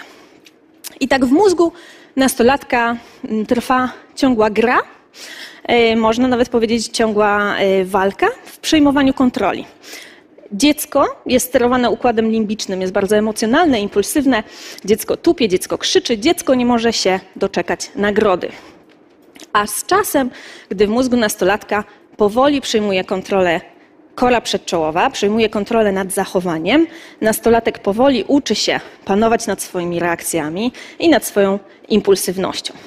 Kora przedczołowa bardzo nam się przydaje, szczególnie w dzisiejszych czasach, gdy powoli tracimy kontrolę nad naszą, yy, naszą uwagą. Tak naprawdę żyjemy dzisiaj w czasach kryzysu uwagi.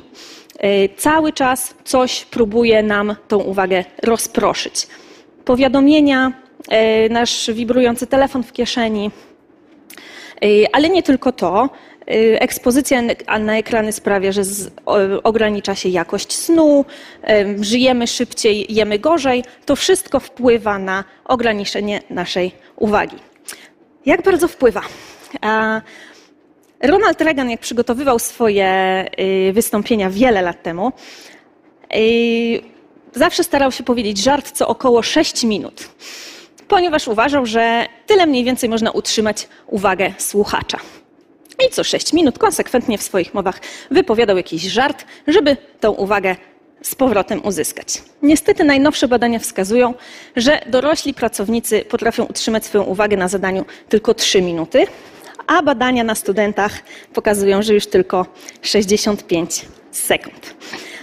Um, 20% na pewno znają Państwo ten mit, że używamy 5, 10, 15, 20% mózgu.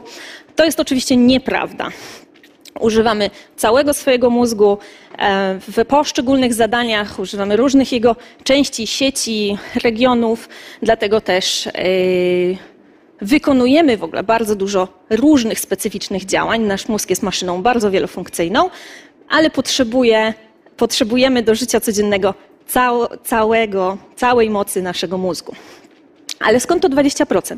Otóż e, badania przeprowadzone na e, pewnej grupie 136 amerykańskich studentów mm, pokazały, że grupa kontrolna, która została poproszona o wyłączenie telefonów komórkowych, pozostawienie ich poza pokojem eksperymentalnym, rozwiązywała pewną serię zadań, rozwiązała ją w danym czasie.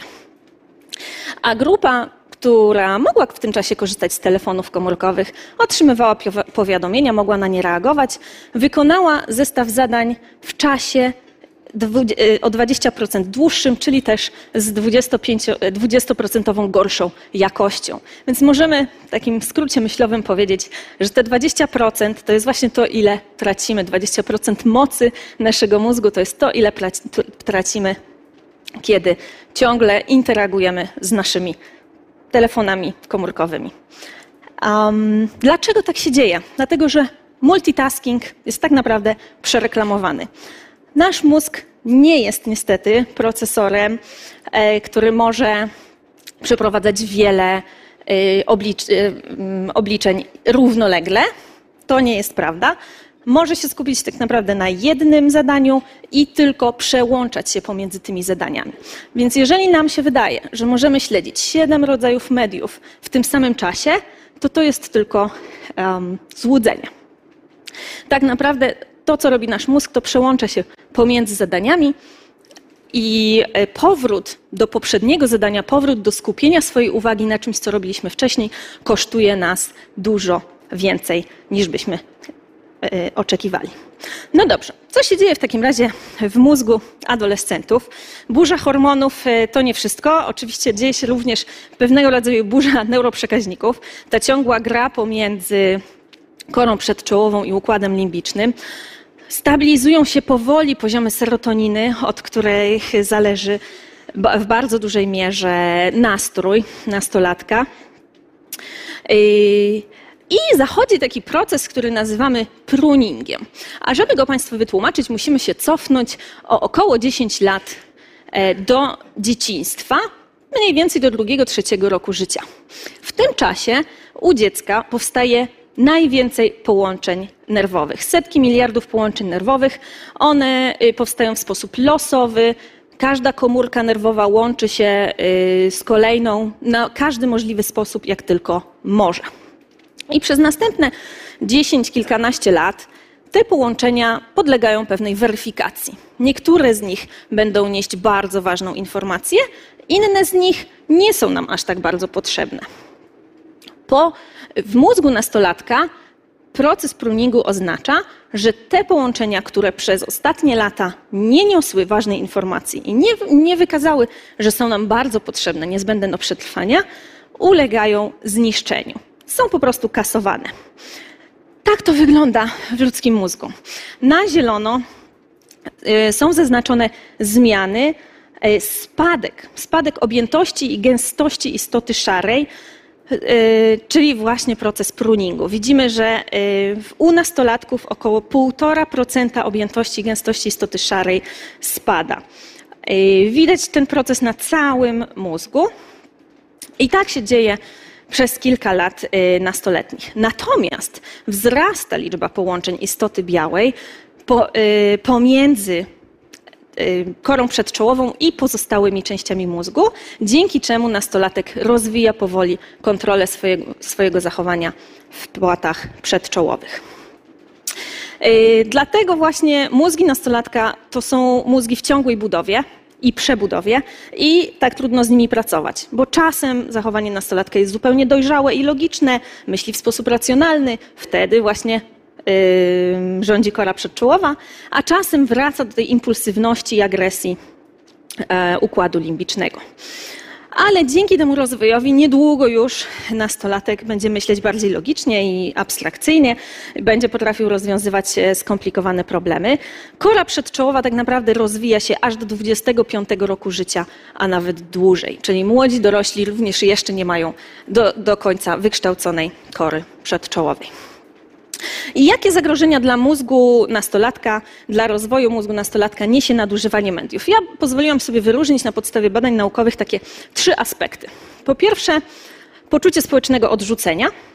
Po drugie, negatywna informacja zwrotna, a po trzecie, podatność na opinię grupy. W mediach społecznościowych e, szukamy poczucia przynależności. I y, nastolatkowie y, zapytani w ogóle przez Narodową Agencję Sieci Komputerowych, jak często korzystają z internetu, 80% z nich powiedziało, że w domu korzysta z internetu wiele razy dziennie, właściwie cały czas. E, średnio obliczony czas w tym badaniu y, mówi o 188 minutach dziennie. No, moi studenci mówią, że to jest zdecydowanie za mało, się dziwią, mówią, no jak to, przecież ja używam internetu przez 8 godzin, po prostu cały czas używam tego telefonu.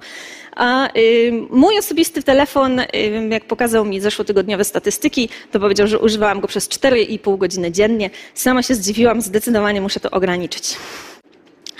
Um, akceptacja i odrzucenie. Szukamy w mediach społecznościowych poczucia przynależności. A jak to zbadać e, w laboratorium? Już wiele lat temu e, naukowcy wymyślili taki oto paradygmat badawczy, czyli taki test, tekst, test eksperymentalny, w którym rzucamy piłkę do naszych tutaj wyimaginowanych graczy. Rzucamy do nich piłkę, oni odrzucają ją do nas, ale po jakimś czasie ci gracze rzucają piłkę tylko i wyłącznie do siebie. I co się z nami dzieje? My się czujemy odrzuceni, a z czasem pojawia się frustracja. Co ciekawe, ta frustracja pojawia się również wtedy, gdy gramy z robotami. Przecież roboty nie są osobami, nawet nie są wyimaginowanymi osobami. One są po prostu robotami. A mimo to, jak roboty rzucają piłkę same do siebie, nadal czujemy się odrzuceni i sfrustrowani. E, badania w rezonansie magnetycznym, czyli badania na mózgu nastolatków, pokazały, że w czasie takiego mm, poczucia odrzucenia bardzo mocno aktywuje się e, kora przedczołowa i kora wyspy. To jest kolejny element układu limbicznego. E, przedni zakręt obręczy, o którym wspominałam, aktywuje się bardzo silnie w poczuciu odrzucenia i wiemy już z innych badań, również aktywuje się bardzo mocno u nastolatków z wcześniejszą historią wykluczenia społecznego. Ale jest na to pewne remedium. Okazuje się, że mocna sieć realnych kontaktów i spędzanie więcej czasu z przyjaciółmi i znajomymi ogranicza tą nadaktywność przedniego zakrętu obręczy i kory, przed, yy, i, przepraszam, i kory wyspy. Um, wykluczenie wzmacnia też aktywność innej struktury, również głęboko położonej w centralnej części mózgu, aktywność prążkowia, które to wykazano, y, że jest bardzo aktywne także przy objawach depresji. Także nadmierna aktywność prążkowia i y, przedniego zakrętu obręczy u nastolatków wpływa ich na ich większą wrażliwość na odrzucenie społeczne. I tutaj mamy podsumowane e, wiele, wiele badań na ten temat. To jest tak zwana metaanaliza, czyli analiza wielu innych wcześniejszych badań, w której widzimy aktywność kory przedczołowej, kory wyspy, tutaj zaznaczonej kółkami i e, tak, zaznaczonej kółkami. Druga, drugi element, na który nastolatkowie są bardzo często narażeni w mediach społecznościowych, to negatywny feedback. Oczywiście zawsze chcemy otrzymywać serduszka, lajki, snapy i pozytywne komentarze, ale co się dzieje, kiedy otrzymujemy te komentarze negatywne? Tutaj naukowcy po, y, pokazywali zdjęcie jakiejś po prostu osoby i pytali, jak bardzo lubisz tą osobę? Odpowiadamy w jakiejś skali, a następnie dajemy feedback. Najpierw pytamy, czy myślisz, że ta osoba będzie cię lubić? No, zwykle mówimy, że no, spodziewam się, że tak, no bo dlaczego miałaby mnie nie lubić? Ale problem się okazuje, kiedy ta osoba wyimaginowana odpowiada, że nie, negatywnie oceniła zdjęcie i yy, powiedziała, no nie lubię mm, cię, drogi uczestniku, yy, po prostu na podstawie twojego zdjęcia. Okazuje się wtedy, że układ limbiczny, szczególnie ciało migdałowate, czyli to odpowiedzialne za negatywne emocje, yy, strachu, agresji i frustracji, bardzo mocno aktywuje się dokładnie w takich, yy, w takich momentach otrzymania negatywnego feedbacku, negatywnej informacji zwrotnej.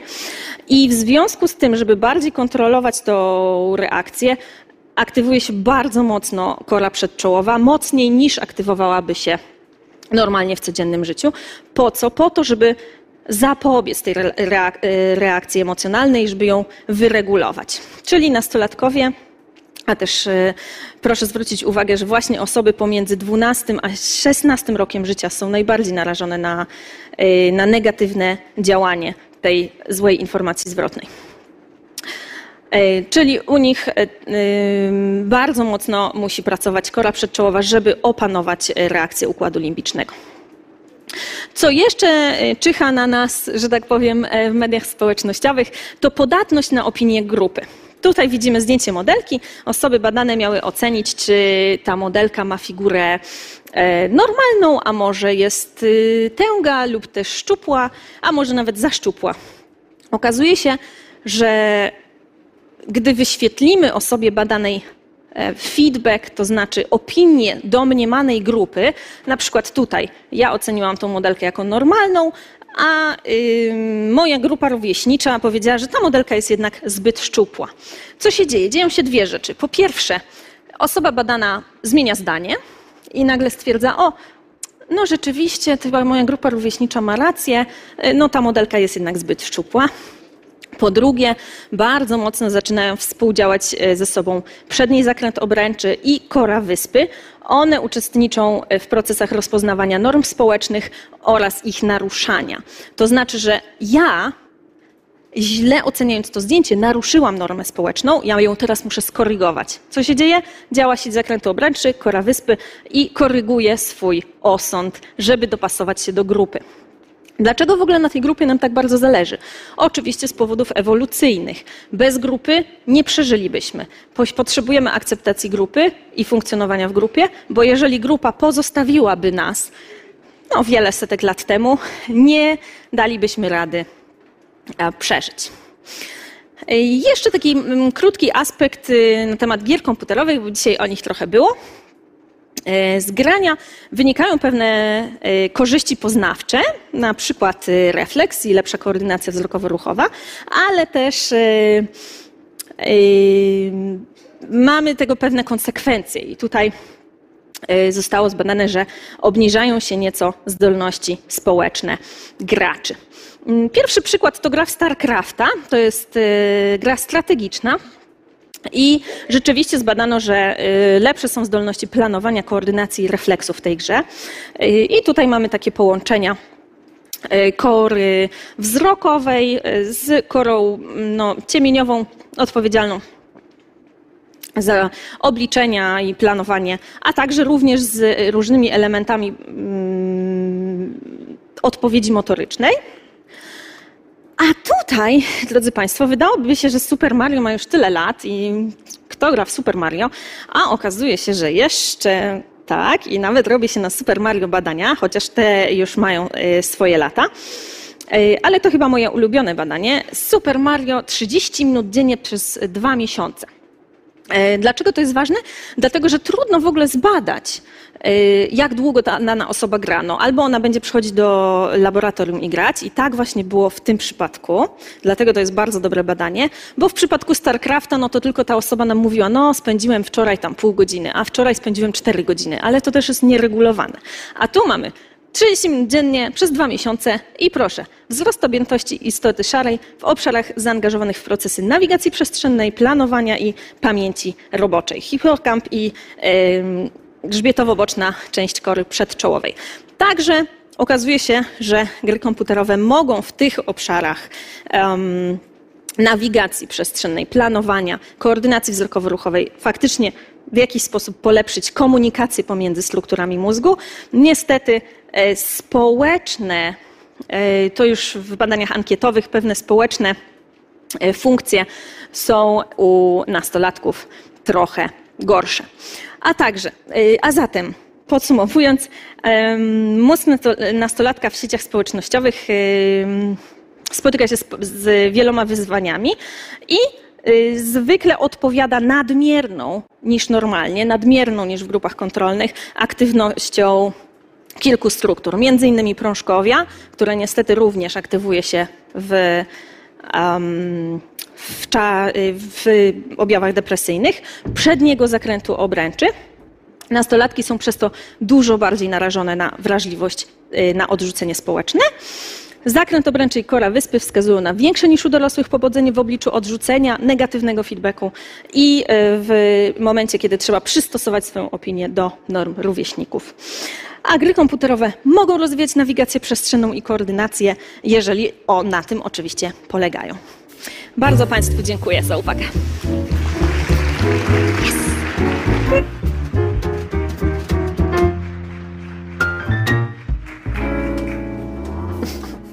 Bardzo dziękujemy. Myślę, że każdy z nas chętnie chyba odtworzy sobie tę prezentację jeszcze później w domu i na spokojnie z tyloma, e, z taką wiedzą medyczną się zapozna i przemyśli, jak można internet wykorzystywać w celu rozwijania naszego mózgu, a nie zwijania naszego mózgu. Mhm, ale bardzo warto wiedzieć, co się w tych naszych e, mózgowych e, procesorach e, dzieje. I teraz czas na następną prezentację. Na scenę zaprosimy panią Aldonę Rumińską-Szalską, nauczycielkę współorganizującą proces kształcenia w szkole podstawowej z oddziałami integracyjnymi numer 105 w Krakowie, autorkę wielu scenariuszy zajęć i projektów edukacyjnych zdobywczyni tytułu nauczycielki kreatywnej w 2013 roku i nauczycielki jutra w zeszłym roku, w 2022. E, a jej prezentacja nosić będzie tytuł Edukacja kreująca jako twórcza profilaktyka cyberzagrożeń. Zapraszamy serdecznie.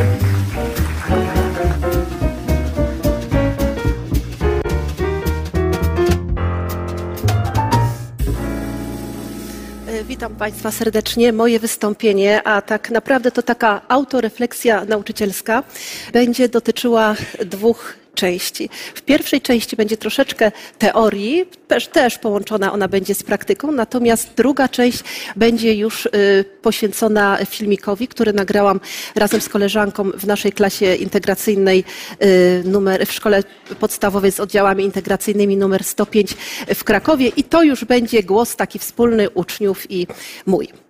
Y, Mottem wystąpienia będą y, takie moje skromne słowa, które y, towarzyszą mi podczas y, lekcji i podczas spotkań z uczniami.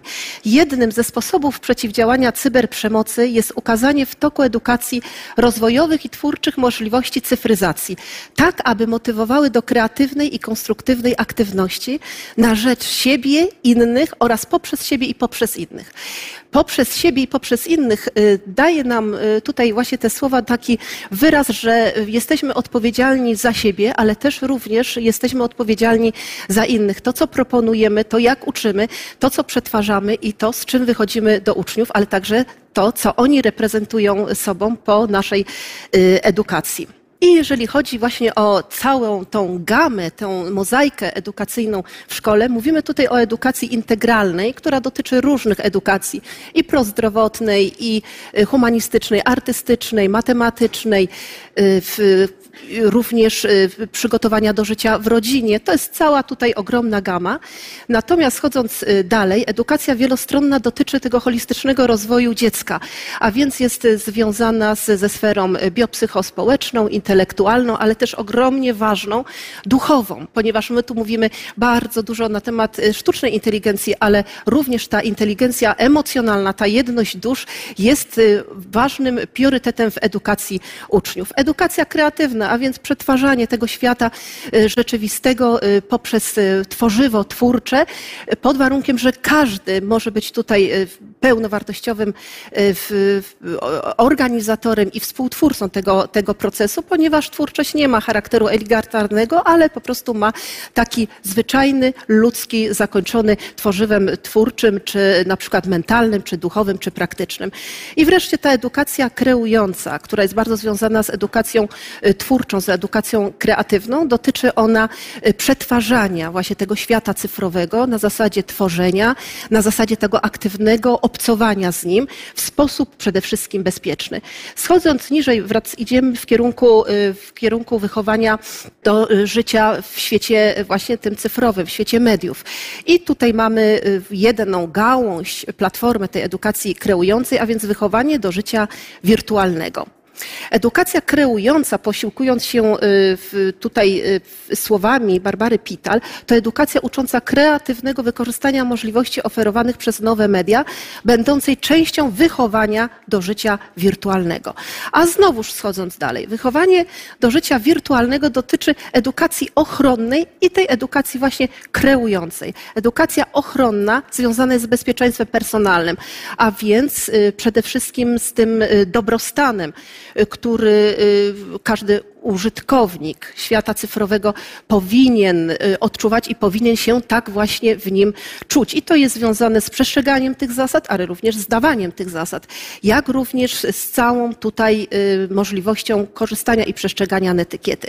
I zabezpieczenie techniczne, czyli tutaj od elementarnych kwestii zalogowania, wylogowania, aż poprzez, y, poprzez uruchamienie dobrego hasła i tutaj kończąc na wylogowaniu się z komputera, tego uczymy właśnie dzieci, jak również y, zabezpieczeniu dobrym programem antywirusowym. I edukacja kreująca dotyczy znowuż twórczości i odtwórczości. Odtwórcza. Mamy tutaj y, w podane na tacy strony y, www, portale, wortale, prasa internetowa. Natomiast zadaniem nasz, naszym, rodziców, nauczycieli jest przetworzyć właśnie to, co y, zostaje dostarczone, podane, a więc to, co y, jest jak gdyby percepcją, biernym pobraniem z zewnątrz, właśnie na taką wersję, na taką wersję twórczą.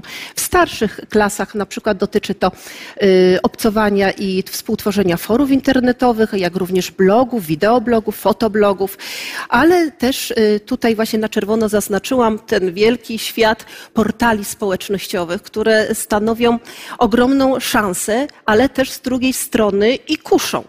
Y, też y, związane jest to właśnie z pewnym takim oczekiwaniem nas, użytkowników, na reakcję z zewnątrz, co też właśnie tutaj wiąże się z takim monitorowaniem, skanowaniem również swojego życia, umieszczaniu na, na portalu społecznościowym.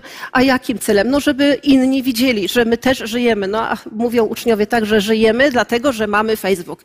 Im więcej żyjesz, tym więcej jesteś na, na, y, na Facebooku. Dlatego to jest ogromnie ważna, ważna również kwestia. Polecam tutaj y, taką literaturę Sfejsowani y, Susan Flores, która właśnie o tym bardzo, bardzo dokładnie mówi. Chodzi tutaj o to, to, żeby kształtować również taką wzajemną wymianę tej interakcji y, z uczniami czy z innymi właśnie użytkownikami tego portalu. I tutaj na przykład bardzo taka, taka y, ciekawa metoda i pewnie znana, ale na przykład przetwarzanie tych informacji, które właśnie są podawane na platformie na przykład czasowej, na osi czasu, na przykład na wyszukiwanie pewnych informacji związanych czy to z geografią, czy to z krajobrazami, czy to na przykład z cytatami i też jeszcze przetwarzając to na dalej na przykład obliczanie procentowe, ile na danej osi czasu w ciągu takim i takim y, spotkałeś na przykład y, w informacji dotyczącej, a niech będzie na przykład nowych technologii y, informacyjnych. Także to zależy już od naszej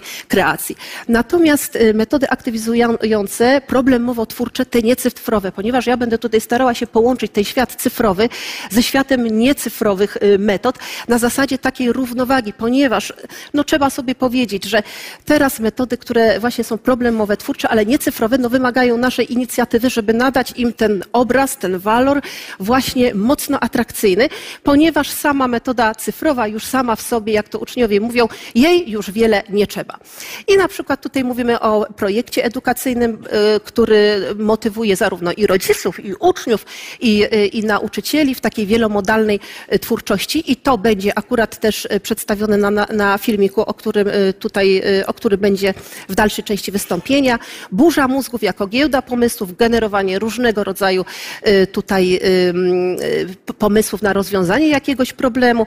O na przykład na przykład w jaki sposób można przeciwdziałać, przeciwdziałać hejtowi. Już tutaj, zakry, już tutaj tą cyberprzemoc uściślamy do konkretnych, do konkretnych działań. Deszcz pytań, no właśnie, to pedagogika pytań. Zadajemy pytania związane, y, związane na przykład z danym, z danym problemem, ale też motywujemy uczniów z drugiej strony. Wymyśl, ułóż jak najwięcej pytań dotyczących hejtowania. Klasyczna metoda problemowa tak samo dotyczy rozwiązania konkretnego, konkretnego problemu, który jest rozwiązywany, który jest y, monitorowany, później który jest również wdrażany i też oceniany, czyli taka ewaluacja końcowa. Bardzo ważne y, ćwiczenia integracyjne, które dotyczą kontaktu y, dziecka z, również ze swoją cielesnością, z podłogą i też mają charakter edukacyjny. Również ten element będzie przedstawiony w filmiku. Gwiazda pytań, metaplan, mapa mentalna, to jest wizualizacja, zaraz będzie również ślad, slajd, y, czyli będzie ślad pracy na slajdzie, o, żeby tak wybrnąć z tego i będzie, y, i przedstawiamy tutaj y, nasze myślenie, roz, różnego rodzaju rozważania, e, refleksje związane z myśleniem w celu rozwiązania danego problemu. Gry i zabawy dydaktyczne, oczywiście cenione bardzo planszowe, ale też i zabawy i gry związane z przemieszczaniem się w klasie, a więc elementami ruchu, z elementami interakcji takiej fizycznej. Sztafety skojarzeń, bardzo znana i ciekawa metoda, również wykorzystywana i na przystanku, i w autobusie, i w domu, na przykład z czym kojarzy Ci się dyskietka. Następnie też kształtując myślenie, giętkość i płynność umysłową, y, na przykład do czego mógłbyś wykorzystać dyskietkę? Do zupełnie jakichś innych, y, innych y, celów. Także albo też antycypacyjne myślenie, które przewiduje, co by było, gdyby na miesiąc czasu miałbyś odłączenie internetu. Takie właśnie pytanie zadałam uczniom, ale odpowiedź była krótka. Do tego nie dojdzie. No, więc tacy są bardzo przywiązani do tego internetu, że nawet są w stanie przewidzieć, że jest on y, w pewnym sensie no, niepodważalny, wieczny i nienaruszalny. Pusta, metoda pustej klasy, czyli prowadzenie lekcji w plenerze, na zewnątrz, również może ona dotyczyć cyber, cyberprzemocy. I formy pracy, y, dyskusja jigsaw lub pokoje eksperckie, włączenie y, uczniów w, w różne grupy celem rozwiązywania problemów. I nieoceniona a doceniona przez nauczycieli e, technika dramy. Cechami tych metod to przede wszystkim interaktywność personalna, polisensoryczność, motoryczność, przemieszczanie się, przedsiębiorczość, inicjatywność, strategiczność niestandardowa, kreatywność, no i ta właśnie emancypacja, e, która jest związana z no, współodczuwaniem tego, co się dzieje, a to w w, kształtowaniu postaw na temat cyberprzemocy jest ogromnie ważne. I projektywność, ponieważ to, co zostaje wypracowane poza tym, y, poza tym, y, poza tą sferą cyfrową, mając tutaj y, i doceniając nasz umysł i jego projektywność, projektuje to zupełnie na inne y, płaszczyzny życia naszego codziennego. Wytworem tych metod niecyfrowych jest efekt mentalny, czyli taki duchowy, materialny albo neuro, neuronalny, który jest związany właśnie z przetworzeniem tutaj umysłowym, y, z kształtowaniem właśnie tego myślenia logicznego, twórczego, antycypacyjnego, bądź też y, przyczynowo-skutkowego. No i metody cyfrowe również będą bohaterami tego filmiku. Metoda gier i zabaw y, interaktywnych, na przykład y, tutaj mamy do czynienia z Kahootem znanym, Learning Apps, WordWall. Są to programy, aplikacje, które służą y, do właśnie produkcji przez nauczycieli bardzo ciekawych quizów, krzyżówek, czy też ćwiczeń, gier interaktywnych. No i prezentacja, prezentacja cyfrowa na whiteboardzie, mindmapie, koglach bądź chmurach wyrazowych. Również tutaj y, bohaterką y, będzie przewodnią lekcji y, książeczka elektroniczna, taki, taki e-book skromny, który jest wypracowywany na przykład w Story Jumper programie. No i cechami tej metody animacyjność, interaktywność cyfrowa, sensoryczność, motoryczność, również intuicyjność, prostota, ponieważ bardzo, one są bardzo intuicyjne i bardzo łatwo jest, jest je kreować, a wiadomo, że nauczyciel no, nie ma czasu zbytnio na edukację długą, ponieważ on musi zaraz wszystko przetwarzać, żeby się na kolejne właśnie y, lekcje przygotować, no i y, atrakcyjnie, ale też efektownie i efektywnie. No i wytworem tutaj jest graficzny, graficzny właśnie wytwór audio, audiograficzny, czyli albo oddziałujący na słuch, albo oddziałujący również y, wizualnie. Efektem obraz wirtualny, również w 3D też będzie właśnie karta pracy na, na filmiku przedstawiona i też wzmocnienia poprzez gry, na przykład gry podczas ćwiczeń interaktywnych, quizów. To też mamy tutaj do czynienia z punktacją albo wzmocnieniem, charakterystyczna buźka i dotyczy to również właśnie ćwiczeń, gier interaktywnych wypracowanych w tych metodach, o których wcześniej powiedziałam. Tutaj jest y, taka właśnie mapa, y, mapa mentalna związana z cyberprzemocą w aspekcie ofiary, sprawcy, asystenta i świadka. Tylko to jest tak hasłowo, mówię, cztery podmioty tego trudnego ogromnie procesu. Tutaj jest y, chmurka y, wyrazowa, też bardzo y, przydatna, zwłaszcza w nauczaniu zdalnym. Zwłaszcza dla wzrokowców. No i tutaj metody waloryzacyjne. No jest to ogromnie ważne, ponieważ tak jak mówię, no jedność, jedność dusz i y, empatyzacja poprzez te metody waloryzacyjne, zarówno niecyfrowe, które już teraz są przez nas przetwarzane, jakby recyklingowane na tą cyfrowość, ale mówiąc tutaj na razie o tej tradycyjności, są to przede wszystkim różnego rodzaju formy ekspresyjne. Y, Twórczość literacka, plastyczna, muzyczna, teatralna, ruchowa, kulinarna też pojawi się na filmiku. No i cechami właśnie tych metod niecyfrowych, y, przeżyciowych, tak to nazwijmy, to jest przede wszystkim inter, intraakcja. Ja już mówię tu inter, ale, ale przede wszystkim intraakcja, te wszystkie zmiany pozytywne, które y, związane są z naszym wnętrzem. No i rzeczywisty proces twórczy, kontakt z realną przestrzenią i znowu ta empatyzacja. A wytwór jest materialno, również duchowy, przeżyciowy. I waloryzacyjne metody to są te, te cyfrowe, ekspresyjne y, metody, które również są przetworzeniem tych twórczych metod, na przykład literackiej, plastycznej, w formie wykorzystania aplikacji małego malarza, pointa, bądź też y, wirtualnych, muzycznych y, aplikacji, na przykład on- online pianist. I co tutaj znowu? Tak samo pojawia się interakcja, wirtualny proces twórczy, kontakt z cyfrową rzeczywistością, y, ale o rzeczywistym odbiorze, ponieważ to, co robimy, prezentujemy w odbiorze innym. I wytwór wirtualno-przeżyciowy. Tutaj jest praca uczniów, właśnie ta pozacyfrowa, chociaż być może, że jak to robili, to właśnie posiłkowali się internetem. Yy, I tutaj akurat to robiły starsze klasy naszej szkoły.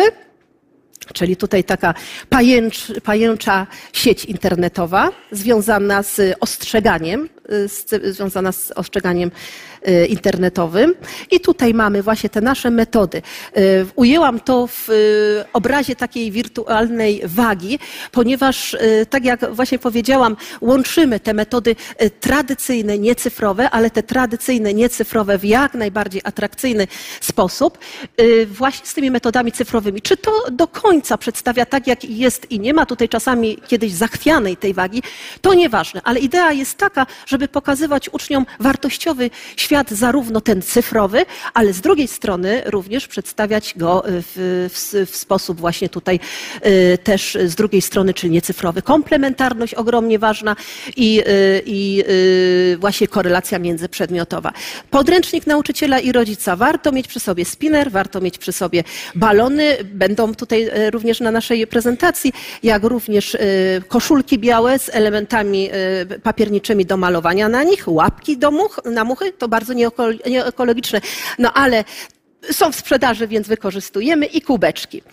I teraz jeszcze y, model, taka, taka ściąga, y, która zawsze towarzyszy nam y, podczas dłuższych projektów w formie klucza wizualnego. Bohater przewodni lekcji, tutaj będzie klik i enter.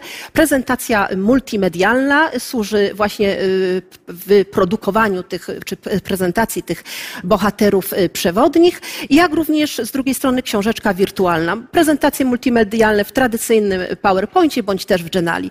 No i klucz y, dalej zmierza komplementarnością tych metod, czyli wykorzystywaniem różnych tych metod w procesie edukacji i interdyscyplinarnością wiedzą, wiedzy, na ile można wykorzystujemy podczas nawet jednej lekcji, łączymy przynajmniej dwa przedmioty. Refleksja finalna. Zbliżamy się do otwierania już y, podwojów dalej, ale też i do kolejnej lekcji. Barometr uczuć dla uczniów, szczelnice oceny czy paszporty produkowane przez uczniów do kolejnej lekcji. A na czym to polega? No, uczniowie na przykład rysują to, czym by chcieli się zająć w kontekście danego tematu na kolejnej lekcji. Zadanie domowe z Powerem, doceniamy również podręczniki, ale praca rodzinna bądź praca terenowa. I efekt wieńczący lekcję, klub tematyczny na przykład bądź certyfikat. Bardzo y, ogromnie ważne też będzie to na naszym, y, na naszym filmiku. No i w życiu, jak i na lekcji. Co należy zrobić, zanim pomyślimy i zanim klikniemy Enter? Co no, należy włączyć? Należy włączyć nasz mózg, ale zsynchronizowany synergicznie z naszym sercem. No i życzenia dla wszystkich Państwa i dla Państwa uczniów i dla dzieci z okazji Dnia Bezpiecznego Internetu. Dzień Bezpiecznego Internetu niech będzie rokiem bezpiecznego internetu, niech będą to czasy, era bezpiecznego internetu. Przy jedności serc, przy jedności umysłu, żeby było jak najbardziej bezpiecznie. Przyłączamy się do tych życzeń, a już w lutym 2024 roku kolejne działania na rzecz Dnia Bezpiecznego Internetu. A przecież ten Dzień Bezpiecznego Internetu, tak jak Państwo słyszeli i zrozumieli z naszej audycji, przeradza się w miesiące bezpiecznego internetu. Oby tak naprawdę przerodził się także w cały 2024 rok bezpiecznego internetu. Sprzed mikrofonu kłania się Magdalena Lipiec-Jeremek. Mówię Państwu do usłyszenia, dobranoc. Jak zawsze w każdy wtorek tuż po 22. A kontakt z naszą redakcją rodzicemałpka radiolublin.pl